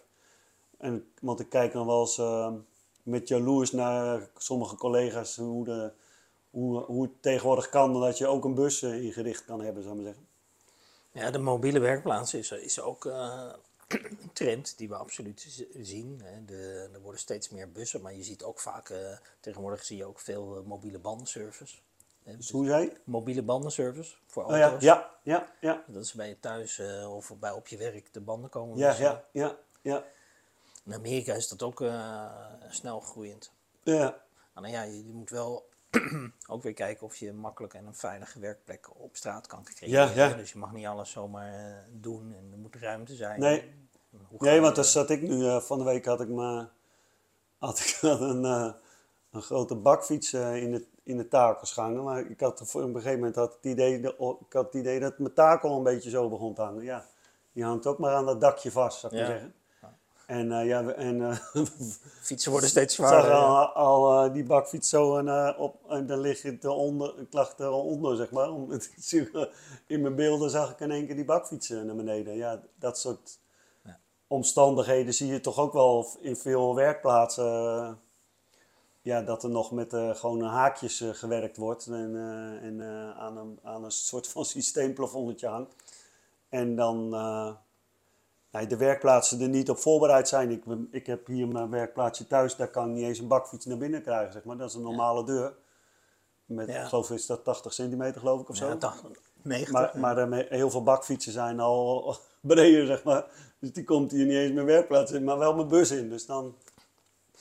Ja, dat is eigenlijk gewoon niet... eh, dus dat moet gewoon aangepast worden, zeg maar. Dat, eh, dat zo'n bakfiets naar binnen kan. En ook dat die veilig eh, ja, in takels, want dat zie je nu ook. Dus Zo'n bakfiets hangt dan aan dezelfde takels zoals dat een fiets aan hangt. We hadden... Ik stond vorig jaar op- de beurs World of E-Mobility. Met de promotie van, ja, van, van werkplaats, van hoe repair, wie, wie repareert er nou. En daar hadden we, had ik eh, eh, iemand die had een eh, mooie lift eigenlijk met een soort eh, lepel eigenlijk die je onder die bakfiets zette. Waardoor die eigenlijk, eh, ja, die bakfiets gewoon heel veilig eh, ge, ja, getakeld werd, zeg maar. En ook vast zat. En, en eh, ja, dat zie je bij die haken. Ja, dat gaat geheid. Dat is eigenlijk hetzelfde als, eh, als die accu branden en dat soort dingen. Ja, bij mij gebeurt het niet, is het dan allemaal, hè. Ja. Totdat ik, eh, ik zag laatst weer, nou ja, met die, bij die accu's dan bijvoorbeeld een filmpje. Je hebt natuurlijk steeds meer werkplaatsen waar eh, camera's in, eh, of winkels waar, waar, waar je camera's ziet. Dus, de, dus dan heb, gelukkig hebben we de, de beelden nog, zeggen ze dan tegenwoordig. Hè? Of vroeger was het de, fo- de foto's, gelukkig hebben we de foto's nog. Maar Ja. dan zie je dus bij een werkplaats, er staat iemand in een hoek te werken. En in één keer komt er vanaf de kant waar ze accu's aan het opladen waren, schieten er allemaal vlammen die man op. En je ziet in één keer vijf man personeel zo de werkplaats uit rennen, zeg maar. en die laten zo die vlammen achter. Ja, wat, ja, wat moet je doen, zou ik maar zeggen. Maar, eh, nou ja, dat is in één keer mijn mijn draaien inderdaad naar, naar die veiligheid, zou ik maar zeggen. En daar, eh, ja, dat heb je natuurlijk ook met gereedschap, zeg maar. Dat dat, eh, Ja, dat, uiteindelijk is daar maar één antwoord op en dat is opleiding en trainingen. ja, Dus mensen die wegrennen, dat is toch ook vaak, dan hebben ze te weinig geoefend met Ja. wat doen we in die situatie. Hè? Ja. En dat, dat, dat, eh, dat, met brandveiligheid, eh, wa- waarom doen we die brandoefeningen in sommige gebouwen? Om, om- als je het niet weet, eh, je- Ja. er is maar één antwoord op dat soort situaties. dus dan hebben we zoiets is al van, net als, net als in het vliegtuig, dat je voor de zoveelste keer, dat ze laten zien, die mondkapjes op. denk je, Ja. ja. flikker toch op met die zooi. Maar ja, de volgende keer dan eh, gebeurt het jou en dan moet je die dingen opdoen. En dan denk je van, ja, oh Hoe jeetje. zat dat ook alweer? Ja. Hoe zat het ook weer, ja. Had ik nu maar opgelet. En dat is ook inderdaad, ja, de- van, eh, ja, dan moet je zo'n, eh, hoe heet dat dan? Zo'n bedrijfshulptraining en zo. ja, BHV. BHV-training en zo, ja. Dat is wel, ja, toch nadenken van, en uiteindelijk is dat, ja, het- kijk, de- voor, voor kleine bedrijven is, is, is de hoeveelheid administratieve werk die er op ons afkomt, is echt afgrijzelijk. Ja, Hè? De, ja, eh, vergunningen, verplichtingen, dit, zus, zo. En dat, dat gaat van, eh, van je zorgen maken over wat doe ik met, eh, als iemand met 200 euro betaalt, dat, dat je 6, 7 euro per briefje moet betalen. ja, tot, eh, tot, tot, tot de BHV-training van wie zullen we dit jaar weer Ja. sturen. Ja, mijn filosofie is daar toch bij dat je de grote risico's afdekt. En de grote risico's zijn natuurlijk toch eh, de, de personeelsrisico's. Dus eh, Ja. hoe kan ik het zo inrichten dat als er iets gebeurt, dat de mensen weten waar ze aan toe zijn. Ja, ja het is toch kennis, hè? Ja. Ik zie Ja, dat wel van... en er over nadenken en ermee bezig zijn. Ja, ja. Dus de, Ik had toen een keer in, mijn- in de winkel, was een, toen ik mijn winkel nog had in Ermelo, toen was er een, eh, een bevriende klant, zeg maar, en die, die, die hield zich daarmee bezig, zeg maar, met van die plannen schrijven. Ja, er komen dan eh, dingen en vragen, daar heb ik nog nooit over nagedacht. En ik dacht van, ja, hoe kan het dat ik daar nog nooit over nagedacht heb? En ook daar zou je dan kunnen, soms van kunnen maken dat de stemming maakt. Maar ja, ook daarin eh, ja, word je toch, net als wat ik net zei over de, die geraaktheid, dat als je dan hoort dat een collega zijn pandje in de brand is, ja, de volgende keer is het mijn pandje, zou ik maar zeggen, Ja. dat die in de brand gaat. En dan kan ik zeggen van, eh, ja, weet ik veel. Ik, het gaat mij niet gebeuren of, eh, ja, wat gaat je niet gebeuren? ja, nou ja, hier ook is het natuurlijk relatief dichtbij. Dus als het eh, echt eh fikt, dan heb je nog kans dat je huis meegaat. Hè? Ja, ja, ja. Ja, want dat is wa- wat we vaak denken, hè, van, eh, nou, ja, nou, nou ja, dat gaat mij niet gebeuren of het zal nog niet. Kijk, en, eh, eh, ik heb er wel steeds meer, ik heb dan van die koffers waar je ze eventueel in kan leggen. Ja. Ik heb nog niet zo'n kast, maar ik, heb- ik heb er eigenlijk het meeste repareer ik bij de klant eigenlijk. Ja. Dus heb ik eigenlijk zelf, eh, nou ja, hier heb ik dus toevallig dan inderdaad, eh, en dan zeg ik, mij gebeurt het nooit, maar ik heb hier, Maar ben heb nu je- ook gewoon een accu aan het opladen hier binnen in huis. hè. Maar heb je die vannacht zo aangesloten Nee, geladen? nee, Eh, nee, dat, niet. Nee, nee. We hebben ja. wel vannacht eh, de stekker eruit gehad. Ja. Ja. Ja. Maar die is dan ook, eh, nou ja, deze fiets is hier eh, voor de, er moest een nieuwe controller eh, in.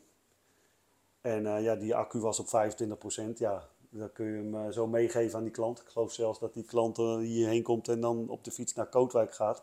Ja, waarschijnlijk haalt hij dat niet eens, die 25%. Ja. Dus toen zei Brenda, nou, ik leg hem wel even aan de lader. Ja, ja. En ja, dat ze binnen. Dus gingen we inderdaad, voordat we gisteravond naar bed gingen, de- haal die stekker er maar even uit. Ja. En eh, anderzijds heb je ook natuurlijk, eh die hebt accu's die zeggen ze, ja, die moet je zo lang mogelijk aan de lader. Eh, ja, dat wij laden s'nachts helemaal niks. Dat is Nee, nee. instructie. nee, dan gaat alles... alles uit. ja, Dat en dat zie je bijvoorbeeld bij, bij de Domino's winkels waar ik kom. Ja, die hebben dan, die moeten ze gewoon, eh, die moeten ze s'nachts, s'avonds laden. Want Ja. ja. de volgende dag Ja, dus moet die heb de je- zorgfiets weer eh, de Ja. pad op, zou ik maar zeggen. Nou ja, dat vind ik gewoon het aparte van, van dit moment. Dus dan heb je in, eh, in een domino's, nou die zitten vaak nog in panden waar gewoon mensen boven wonen. Ja, ja, het Dan heb je gewoon tien fietsen naast elkaar. Die staan, worden alle tien tegelijk opgeladen, s'nachts. Ja. En als je dat doorrekent, dan zitten ze al ver boven alle grenzen die een normaal bedrijf... Als ik tien accu's naast elkaar leg, dan... dan en Ja, en dan hebben ze in één eh, van die vestigingen hebben ze een kast, zeg maar. Ja. En eh, laatst had ik, hem, eh, had ik een accu eruit gepakt, had ik de kast open laten staan. En dan gaat er al een, een, Ja. een melding af, zeg maar. Nou ja, dat soort dingen al, zeg maar. Maar die jongens daarin, in die vestiging, die zijn daar, die zijn daar bewust van. Maar die anderen hebben hem al op een stellingje in een, in een hokje naast de wc. Met- een verlengsnoer, zitten ja, met een verlengsnoer. met drie verlengsnoeren en dat ligt daar, zeg maar. Ja.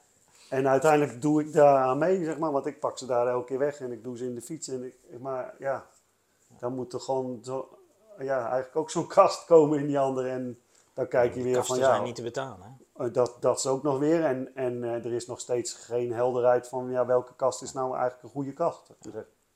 Nee, want die regelgeving is nog niet eh, geformaliseerd. Nee, dus daar is eigenlijk iedereen op te wachten, zou ik maar zeggen. Maar het begint al, ik vind echt, dat is ook echt zo'n eye-opener in zo'n podcast als nu. Dat je, nou, er is, hoe, heb, hoe kunnen die, ik blijf er nog van verbazen. Dat begint ook bij die behuizing toch, als dat ding, eh, die accu eh, een veel stevigere behuizing heeft. Hij is waarschijnlijk gemaakt op gewicht, want het moet zo licht mogelijk, want anders is die fiets. Want daar kopen we een fiets op, hè. Ja, ja maar, mijn, ja, maar eh, mijn fiets is al 20, 25 kilo. Dan kan die niet achterop te dragen, nee. Eh, ja, ja, nou ja, maar dan, dan, eh, en, dan, en dan zie je ook eh, bijvoorbeeld zo'n zo'n V-drager gebruiken ze dan op de kogel en die druk je er zo op. Nou, dan zie je al opstaan maximum 25 kilo en dan hangen ze twee, twee e-bikes Ja. aan, zou ik maar zeggen. En die zie je ook, als je weet hoe vaak ik, hier in Garderen is natuurlijk toeristisch, heel veel campings. als je weet hoe vaak ik hier iets over een fietsen dragen, dat mensen, nou dan hebben ze daar de handvat eh, helemaal weggesleten, want dan is die opengeklapt en dan heeft die boven. Ja. boven de, boven de, eh, de, de A28 heeft die fiets gehangen, zeg maar. Ik heb het zelf ook een keer gehad, ja. En da, ja, dat zijn nou ook allemaal risico's of dingen waar we, ja, we hangen dat er in de haast even snel erop. Als je op vakantie gaat, dan ga je nog een keer. Ik heb de eerste keren dat ik mijn racefietsje achterop had, nou dan ben ik wel vijf keer gestopt onderweg. Omdat ik elke keer bang was dat hij eraf zou waaien. En eh, ja, later eh, dan doe je dat ding erop en dan denk je helemaal weer nergens over na, zeg maar. Het zou wel goed gaan. Dan, dan, eh, dan, eh, ja, ja, het is met mij nog nooit gebeurd. Dus, nou, en in één keer hing. Bij mij was het toevallig inderdaad wat ik zei over de A28. Bij, bij het Klaverblad, bij Hoevelaken, zeg maar. Hoevelaken linksaf, zeggen ze dan, op zo'n liedje. Maar daar, eh, daar hing die gewoon midden op dat kruis. Ja, ik kon, was geen, eh, geen baan naar, naar, naar ja, geen vangrail, of eh, alleen maar een vangrail. Geen vluchtstrook heb je daar. Dus daar hing mijn racefietsje van 6000 euro boven de, snel, boven de weg, zou ik maar zeggen. En nou ja, wonde boven wonde heeft hij mij, had hij mij, bij mij helemaal niks ge- gebeurd, geraakt, zou ik maar zeggen. Maar is je fiets iets zwaarder of heb je een hobbel of zo? Ik moest dus daarna, eh, ja, na, na het klaverblad, moest ik ergens de berm in, zou ik maar zeggen. en mijn fiets weer... eh, En Weer eh, vastzetten. stel je ook veel fietsen af, want dat zie ik toch ook steeds vaker het gebeuren dat mensen kopen een fiets van 10.000 euro, maar dan weten ze eigenlijk niet hoe ze hem op hun lichaam moeten afstellen. Nou ja, dat, dat is wel een ding inderdaad, ja. Ik had van de week nog een racefiets van een, van een klant. Die, eh die hem in onderhoud eigenlijk elk jaar. Eh, hartstikke gave fiets. En ik, ik, zat al... ja, Brenda vroeg nog hoeveel, hoe duur is zo'n ding nou, zeg maar. Maar toen vroeg dat Ja. aan die man. eh, ik moest hem ander zadeltje erop en moet nieuwe ketting en tandwiel op. En die waren, had ik niet op voorraad, dus moest even bestellen. Maar ja, die man wou alweer fietsen. Maar ik zou hem ook op, inderdaad een keer op meting zetten. Ik zei, want dat zei ik met een zadel. Ik zeg, ik heb een goed zadel, wat, maar dan zou ik hem maar, nou, nee, ik doe hem eh, ook maar meteen op meting zetten. Nou, toen bleek dat die meneer die fiets acht jaar had. En toen kostte die al 3000 euro. Dus nou ja, nu zou je die fiets denk ik wel dezelfde categorie wel vijf, richting de vijf gaan zitten, zeg maar. Zo, zo gaaf is die ook nog, want daar, eh, daar natuurlijk mooie carbon wieltjes ook nog aangeschaft. Dat, dat had hij er waarschijnlijk nog niet eens bijgeteld, denk ik. Maar ik moest, eh, ik ging hem op meting zetten en moest ik 4 centimeter van het frame afzagen. Want het was een carbon, carbon frame waar de zadelpen eigenlijk ook min of meer het frame was, zeg maar. Ja. En er zat er een klein busje in waar je hem nog 4 centimeter in kan verstellen. Dus ik, maar ik, ik ging, hij ging, je moet er dan op zitten met een hak op de pedaal en dan mag je je been bijna gestrekt hebben. Maar die meneer kon bijna eigenlijk niet eens met zijn hak bij de pedaal komen. Dus toen moest ik 4 centimeter van het frame, maar die heeft dus 8, jaar lang Verkeerd gereden. 4 centimeter te hoog gezeten. En het grappige is, wat ik me gi- gisteren realiseerde. En dat heb ik toevallig ook in een van mijn video's in de opnamedag eh, verteld over. eh, waar ik uitleg eh, over van ja, hoe doe je dan eigenlijk eh, even snel zadelhoogtemeting, zeg maar. Dus, dus gewoon erop zitten, hak op de pedaal en dan je been een klein beetje knikje erin. Dat is eigenlijk voor 80% dat je eigenlijk al weet dat die zadelhoogte goed is. En eh, uiteindelijk is dat eh, nog wel leuk. eh, dat, dat kun je nogal gauw doen, hè? want je hebt een framemaat waar we het allemaal over hebben. We hebben allemaal van, ja, ik heb een 57 centimeter frame of een 63. Of... Maar eigenlijk zit de pijn daar helemaal niet, hè? Want daar- en eigenlijk bij die man wel, hè? want als de juiste zadelhoogte niet goed is, zit daar wel de pijn. Maar de pijn zit meer in je, in je onderrug, want daar had hij last van. Hij had last van eh, zijn, zijn nek, zijn schouders en tinteling in zijn pink en in zijn, Ja. in eh, zijn rechte tenen en overal, zeg maar. Maar dat is logisch, want dat knelt helemaal af. Maar ook al zit hij op de goede hoogte dan eh, met zijn zadel, dan zit de pijn eigenlijk in de lengte naar voren, zeg maar. Dus je bovenbuislengte is vele malen belangrijk. Maar zie jij ooit ergens staan de lengte van een frame? Dat, daar heeft eigenlijk niemand het over. Dat zijn van die shocking dingen. Het lijkt wel of ze het daar niet over willen hebben, omdat dat een, eh, groot, nog groter probleem waarschijnlijk. Want die framematen willen ze eigenlijk al niet. Het liefst maken ze van één merk een fiets, maar één maat. Ja. En dan moet je maar een wat een beetje aanklooien met die zadelpen, zou ik maar zeggen. Nou, ik, ik, ik- toevallig, ik was op de Cycle eh, Show in Taipei eh, Ja? een paar weken geleden. Ja, een maand alweer. En daar zie je dat dus wel terugkomen. Dat er steeds meer bedrijven zijn die daarop inspelen. Ja. Toevallig bij Giant hebben ze een compleet concept. eh, met de fiets die je in alle, alle hoogtes, maten, afmetingen eh, kan instellen.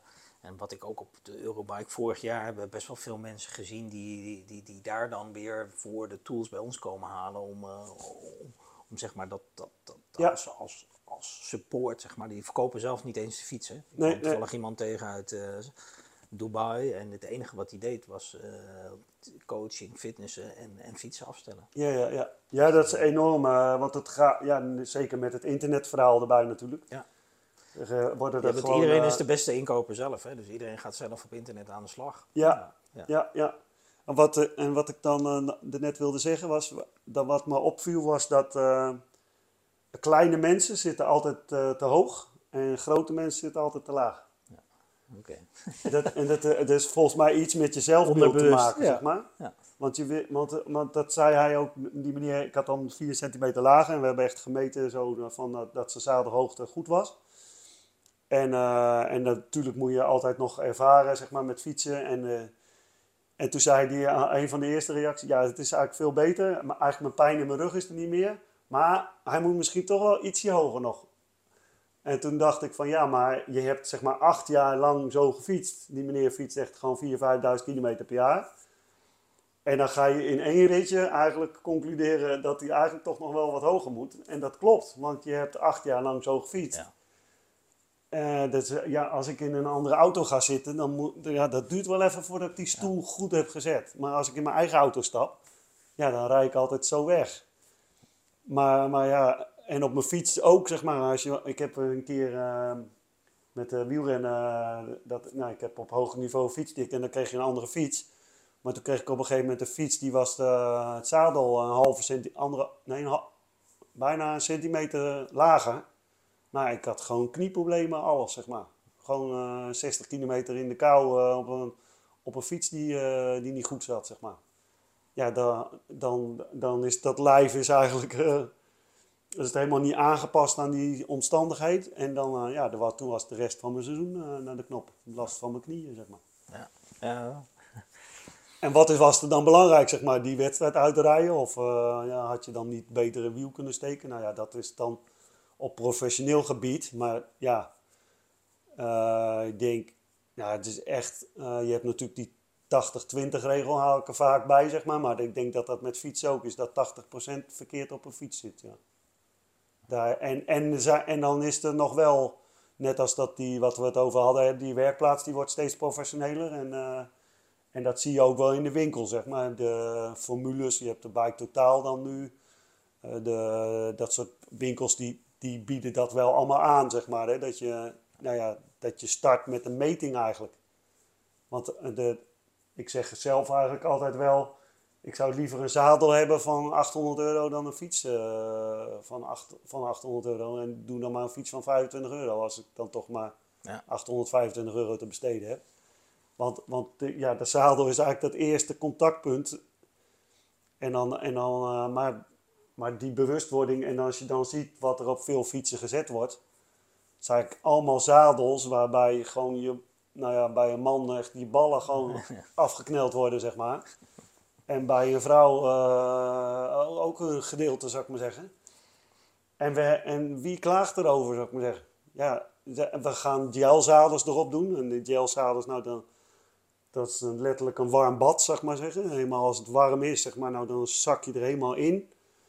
Nou, ga eens in, een, eh, in je auto zitten, in een stoel waar je helemaal inzakt. Ja, dan stap je om. Ik heb dan wel snel last van mijn rug.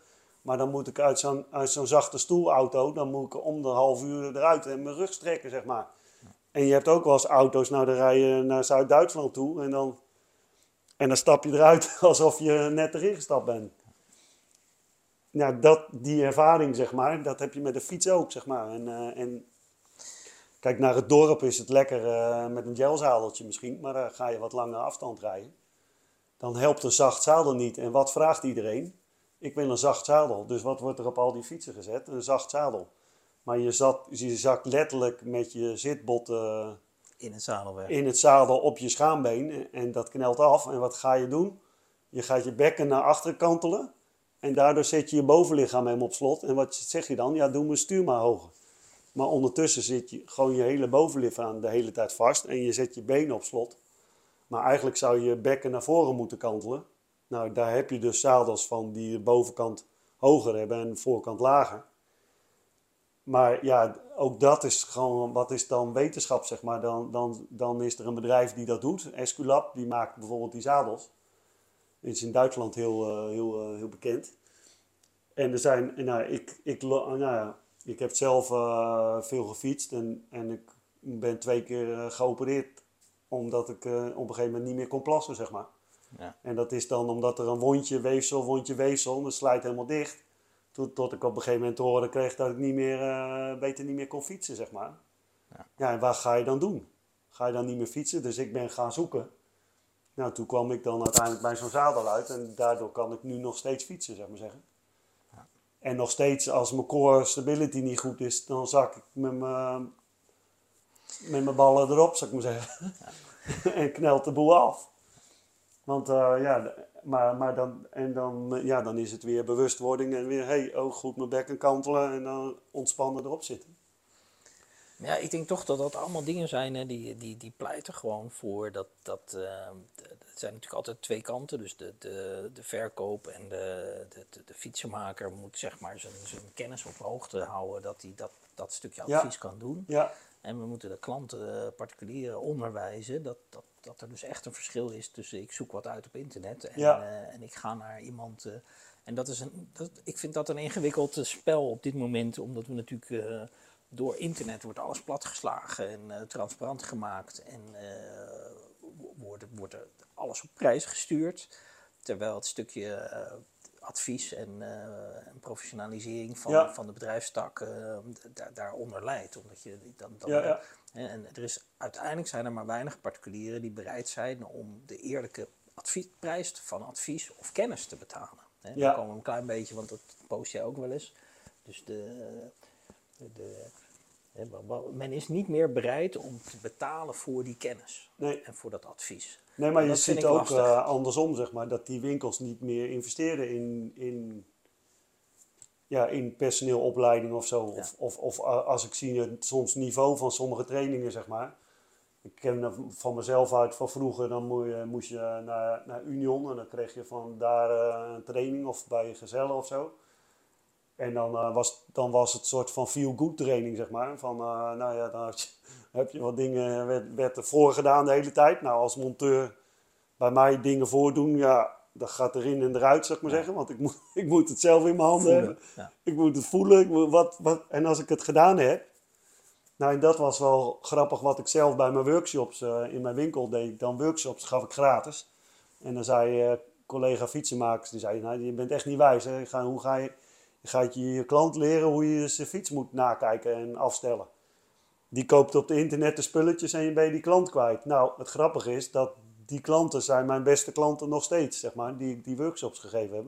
Want die hebben tijdens die workshop gezien, ik doe, ik, het was twee uur workshop. En ik liet een kwartier, twintig minuten zien hoe je eh, wat dingen kon doen, waar je fiets kon afstellen. En in die 20 minuten hadden die mensen allemaal, want daarna liet ik ze zelf sleutelen, gingen ze aan hun eigen fiets. Dus dan hadden we de haken, konden mensen aan hun eigen fiets eh, sleutelen. Maar daarna ervaarden ze, er was er, zeg maar, eh, zeg maar dat, er, dat was een half uur en dan was er ruim, ruim een uur, zeg maar, een uur en een kwartier dat ze zelf aan het sleutelen waren. Maar dan, en soms met hulp van een of eh, van mijn monteurs erbij of met mij erbij. En dan, ja, daarna zeiden ze allemaal, daar stond er dus de volgende dag voor 2000 euro aan reparatie. Want ze zeiden allemaal van, ja, ik heb nu eigenlijk gezien hoe, hoe eh, lastig het is. En ik heb die tools niet, ik heb helemaal niet zo'n kettingpons en ik heb niet zo'n freewheel afnemer. Hoe, hoe werkt, ja, ik heb nu gezien hoe dat werkt. Ja, ik zat aan dat haarschroefje te Ik heb nog uitgelegd dat je niet aan het haarschroefje moet draaien. Ja. Da- Want eh, je hebt eigenlijk een padrichter nodig. Nou, allemaal dat soort dingen eerst. Eerst die kijken of die padrecht is. Voor, want als je aan de H- en een L-schroefje gaat draaien, dan betekent dat die afstelling is eh, verbogen. En dat is vaak een padje, dus dan moet je kun je dat padje misschien richten, maar misschien beter een nieuw padje. Maar met zo'n eh, padrichter kun je wel checken of die dan goed is. Ook daar zie je bij veel fietsenmakers ja, dan niet zo'n padrichter liggen. Maar, maar eh, ja, dan wordt er een beetje zo gekeken zo van, oh hij is scheef. Als laatste pas, maar dan zijn ze al een kwartier bezig geweest. Maar als je meteen een padrichter erop had gezet, had je meteen gezien, pad is krom, pad richten of een nieuwe pad erop. En uh, fiets af, dan is die vaak al meteen weer afgesteld. Want hoe kan het dat die in één keer ontsteld is een, uh, aan de afstelling van de DDU? Nou ja, dat is dus met, nou ja, waar je, wat je aan, terecht aanhaalt, van, ja, met kennis en dan ook de kennis van de consument. Het grappige is dat ik dat als nu. Ik was heel erg bezig omdat ik die fietsenmaker eigenlijk wilde leren, zeg maar. Eerst met mijn filmpjes, maar ik, toen hoorde ik eigenlijk in een marketingtraining, die zei ja, een expert is, kun je eigenlijk niks leren. En dat zie je ook aan, mijn, aan de reacties op mijn video's vaak, of op mijn, mijn foto's of mijn filmpjes. Dat die fietsenmakers dus reageren van nou, het, het zou anders kunnen, of ik doe het anders, Ja. of, of de- dit is veel beter, of komen met hun hele uitleg omdat, eh, en, en die, en maar, die, maar de consumenten die zeggen allemaal dankjewel voor je, voor je video. En we zijn blij, want dat is de, hoe hij dat noemde, zeg maar de maagd. En de maagd is eigenlijk degene waar de pijn zit, zeg maar. Die weet helemaal niet hoe of wat, maar die zit wel met een probleem. Ik heb nu een nieuwe fiets gekocht en, eh, en hij trapt door. Eh, ik had van de week nog hier iemand op de camping, zeg maar, die berichtje. Ja, ik heb een op, op, opdracht eh, gedaan. de versnelling trapt steeds door. En we, we zitten hier op de camping en, we willen vandaag weer fietsen. Ik zeg, ja, maar mijn dag zit al volgeboekt, dus ik, dat lukt niet. Maar toen stuurde ik even een filmpje met hoe je versnelling afstelde. En die man zei van, oh, wat geweldig. Ik heb meteen de, de video met de kettingspan eh, gezien, dus ik heb meteen even de ketting gespannen. Ja, dat is mooi. Nou, ik heb wel, en dan, en dan kun je zeggen, ja, ik heb niks verdiend of zo, zeg maar. Want, eh, maar, maar die man, eh, ja, de volgende keer sowieso gaat hij op dat, komt hij dan op het platform. En op dat, waar die, die video's, eh, waar je die kan. En dan was het mijn idee, zeg maar, dat als we die consument op die manier beter inlichten. Kijk, no- normaal, ik had, mijn winkel was vol, zeg maar. Ik had, ik had het druk. Maar, eh, dus daar kon ik tegen die man zeggen. Maar ik heb wel met die man bezig geweest, zeg maar. Ik heb eh, zijn, bericht in, in suikersoftware gezien. En ik, hij heeft een WhatsAppje gestuurd. En ik heb gericht en ik heb die video's gestuurd. Ik ben er toch vijf minuten mee bezig geweest. Nou, zo heb je wel 15, 20 klanten per dag. Die je dan een, een service ding helpt. Maar wie betaalt dat? Het is 20 keer 5 minuten. Maar die fietsenmakers zeggen allemaal van... Ja, ja maar ik heb geen personeel. Dus de- het probleem is, ik heb geen personeel. Nee, het probleem is dat je niet efficiënt en duurzaam werkt, zeg maar. En dat is dus als je dus die consumenten gewoon beter inlicht. Dan, en dat zal je de. En bijvoorbeeld zelf ook, eh, als je een onder. Als je een. eh, je kunt een klein reparatietje aan een fiets doen. Maar vaak is het, eh, nou ja, wat ik zei, 80% rijdt door totdat die fiets stuk is. Nou, dan zie je ook dat die. dat die fiets. Eh, eh, nou, je kunt wel veel meer dingen doen, zeg maar. Dus als je het nu maakt, morgen staat die klant weer bij je in de winkel. Dus je kunt beter een hele onderhoudsbeurt aan die fiets geven. En daar dan eh, garantie op geven dat als er wat is, dat die altijd bij je terecht komt. Nou, daar heb ik dus een heel systeem. Ik heb dan 800 klanten die hebben jaarlijks die beurt. En ik weet dat dat eh, vijf maanden aan werk is, 40 uur in de week. Dus- En ik weet hoeveel ik verdien en ik weet dat ik dan een goed leven heb. Dus, en dan weet ik dat ik nog eh ja, 12 maanden min 5, dat ik dan nog 7 maanden over heb, zeg maar. Om, om leuke dingen te doen. Maar welke fietsenmaker weet dat? Ja. Dus dan, dus dan zie je dat je, je kunt dus simpeler eh, werken en zo, maar, maar, maar dus heel veel fietsenmakers zijn nog hard aan het werk. Maar als je op een platform eh elkaar, wat ik dacht, zeg maar, duizend fietsenmakers die op een platform zijn. En eh, dan kun je kennis delen over van, eh, van eh, nou ja, hoe je dingen maakt. Maar je kunt ook, als je alle klanten binnenhaalt, op een gegeven moment kun je dan zeggen tegen een Stella of tegen een Amslot of tegen een Van Mo van hé, hey, wij zijn met duizend fietsenmakers. Wij willen wel jullie opleiding doen en jullie fietsen gaan maken. Ja, en dan, dan, dan ligt de kant heel anders, zeg maar. Nu ligt er een hele machtpositie bij, de, bij die fietsenmerken.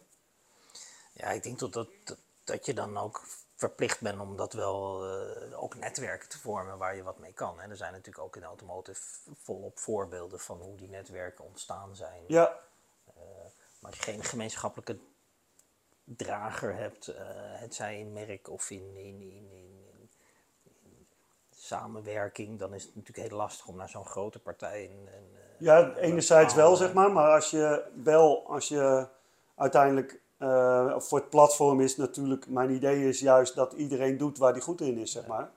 Dus, dus wanneer, Maar je, goed, dan krijg je natuurlijk wel, want ik, wanneer jij een bosfiets hebt, zeg maar, en, eh, en ik kan geen bos maken, dan jij benadert mij wel. Je komt bij mij en dan zeg ik van, ja, ik heb geen bos. Dus ik ben wel weer tijd met jou bezig. Maar als ik op, op, eh, op een website jou al vertel van, hé, hey, bij jou zijn die drie fietsenmakers in de buurt, die kunnen een bosfiets maken met dat probleem wat jij hebt. Of, eh, of eh, die maakt wel een Stella, of die doet van Stella alleen de banden vervangen, maar niet eh, de software dingen. Nou, dat kun je allemaal aangeven en dan kun je als consument kom je dus eigenlijk altijd bij de juiste fietsenmaker uit. En dan heb je al die ruis eigenlijk niet. Als klant heb je die stress niet, want als, ik vind dat echt, nou ik zou dat heel stressvol vinden als ik met mijn, met mijn, met mijn, met mijn bus of met mijn, met mijn personenauto, mijn mini, als ik daarmee naar de garage zou rijden. Eh, nee, sorry, ik kan, eh, niet, eh, kan u niet helpen. Nou, dan ga je naar de volgende. Nee, nee, wij maken geen mini-auto's. Nee, u heeft een gele mini. Nee, de gele minis maken wij niet. Want dat is eigenlijk gekscherend hoeveel fietsenzaken doen, zeg maar. Van, ja, en terecht, zeg maar. Want als je druk hebt, waarom, waarom zou je dan je, je ja, nog meer werk aannemen? Want ja, als je de 20 op een dag aan kan, dan kun je er met 20 op een dag aan, zeg maar. Dan kun je er niet 40 maken. En je kunt natuurlijk naar een systeem kijken dat je er wel 40 kan maken. Door, eh, ja, door eh, dingen, nou, het juiste personeel de juiste dingen laten doen, allemaal dat soort dingen. Dus dan natuurlijk competent eh, werken. Dat je heel vaak zie je in een werkplaats een monteur met niveau 4, die zie ik dan eh, een fiets uitpakken. ja. Dan denk ik van ja, of, of de stoep vegen. Dan denk ik van ja, dat kan ook iemand anders doen. Ja, oké, maar dan krijg je weer de andere discussie van, je hebt natuurlijk, eh, je kan niet alleen maar mensen aannemen die alleen maar de, de, de makkelijke dingen doen. Hè? Dus dat, dat Nee. is vaak voor de verdeling binnen een groter bedrijf is dat ook lastig. Ja, Je moet, iedereen moet een inhoudelijke, een, een leuke functie hebben. En ik, ik, ik zeg dan ook altijd wel, er hoort ook altijd wel wat bij. Hè? Je, je, je kan niet alleen maar de dingen doen die op niveau is. En als op een gegeven moment het onkruid gewiet moet worden omdat het tegen het pand opgroeit, dan zal iemand het moeten doen. Ja, ja, ja, ja, ja, ja. Ja, ook daar zie je wel. Nou, ik zie dus als je gewoon. Er zijn heel veel dingen, handelingen die je heel vaak doet, zeg maar. En die eh, eigenlijk of niet bekend zijn of zo, zeg maar. Ik heb, ik heb contact met een jongen die zit in de horeca. En die heeft daar een hele, hele app voor gemaakt, zeg maar. Met, met eh, bijvoorbeeld eh, waar ligt de suiker. Eh, da- da- dat er bijvoorbeeld eh, sommigen niet weten waar de suiker ligt om aan te vullen, zou ik maar zeggen. En eh, dus dat het te laat is aangevuld. Dus op het moment dat, ja, en dan is het stress op momenten, hé, we hebben Ja. nu suiker nodig. Eh, ja, shit, waar ligt het ook alweer? Nou, en, en dan is er maar één persoon die weet toevallig waar de suiker ligt.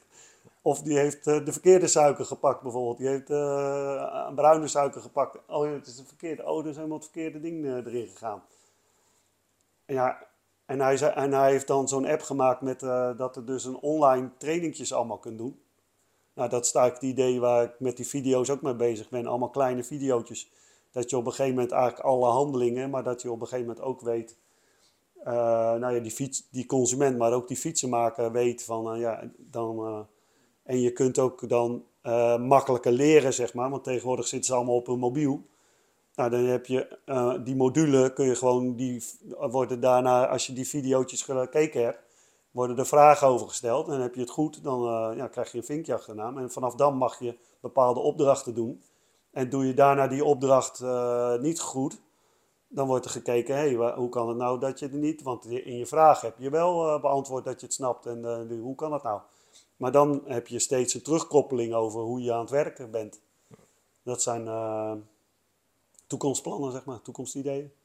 Hoe Ja. is het met eh Serenco, met eh, toekomstideeën, plannen? Nou, Jullie zijn net verhuisd, zei je? Ja, we hebben dus een, eh, een nieuw gebouw in gebruik genomen. Sinds ja, eigenlijk 1 mei zijn we logistiek over. En 1 juni gaan ook de kantoren over. En dat betekent gewoon dat we, onze kracht is toch uitvoeren aan het leveren.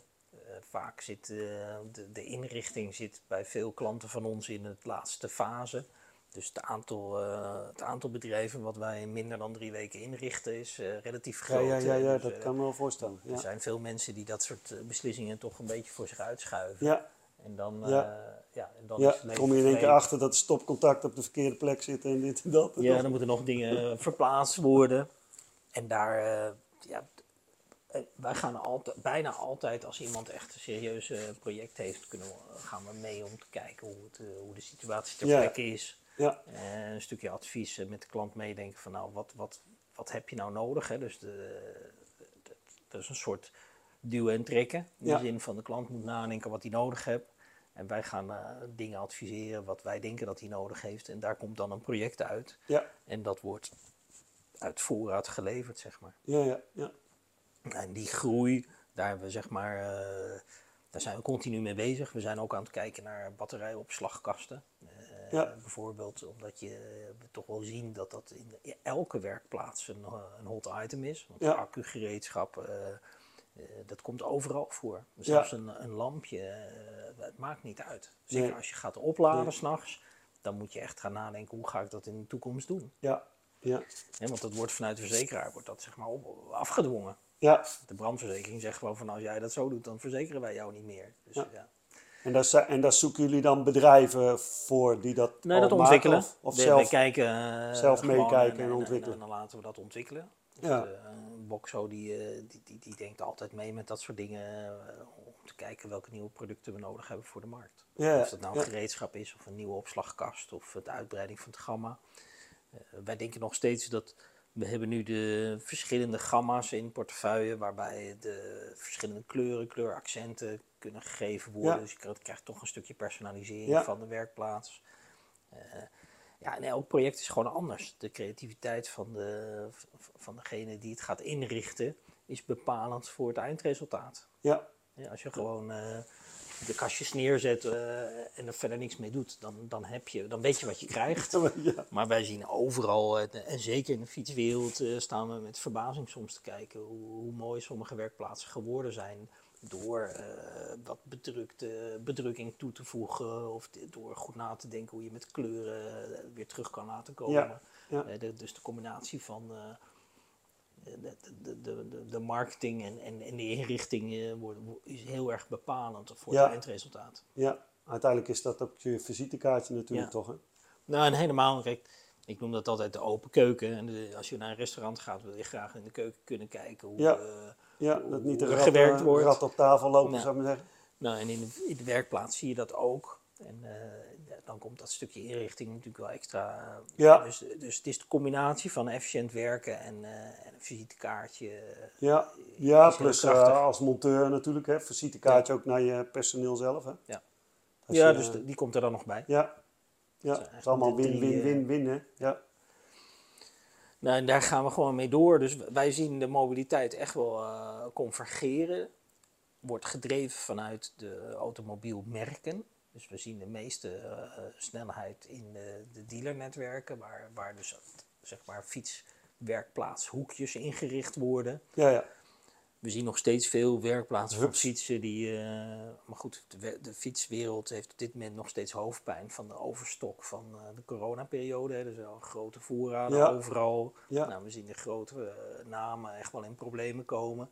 Luxe segment gaat gewoon door, dat is wat ik overal hoor. Ja. Dus, dus daar, mensen die wat hoger in de markt zitten, die, die, die kunnen nog volop investeren, ook in nieuwe werkplaatsen.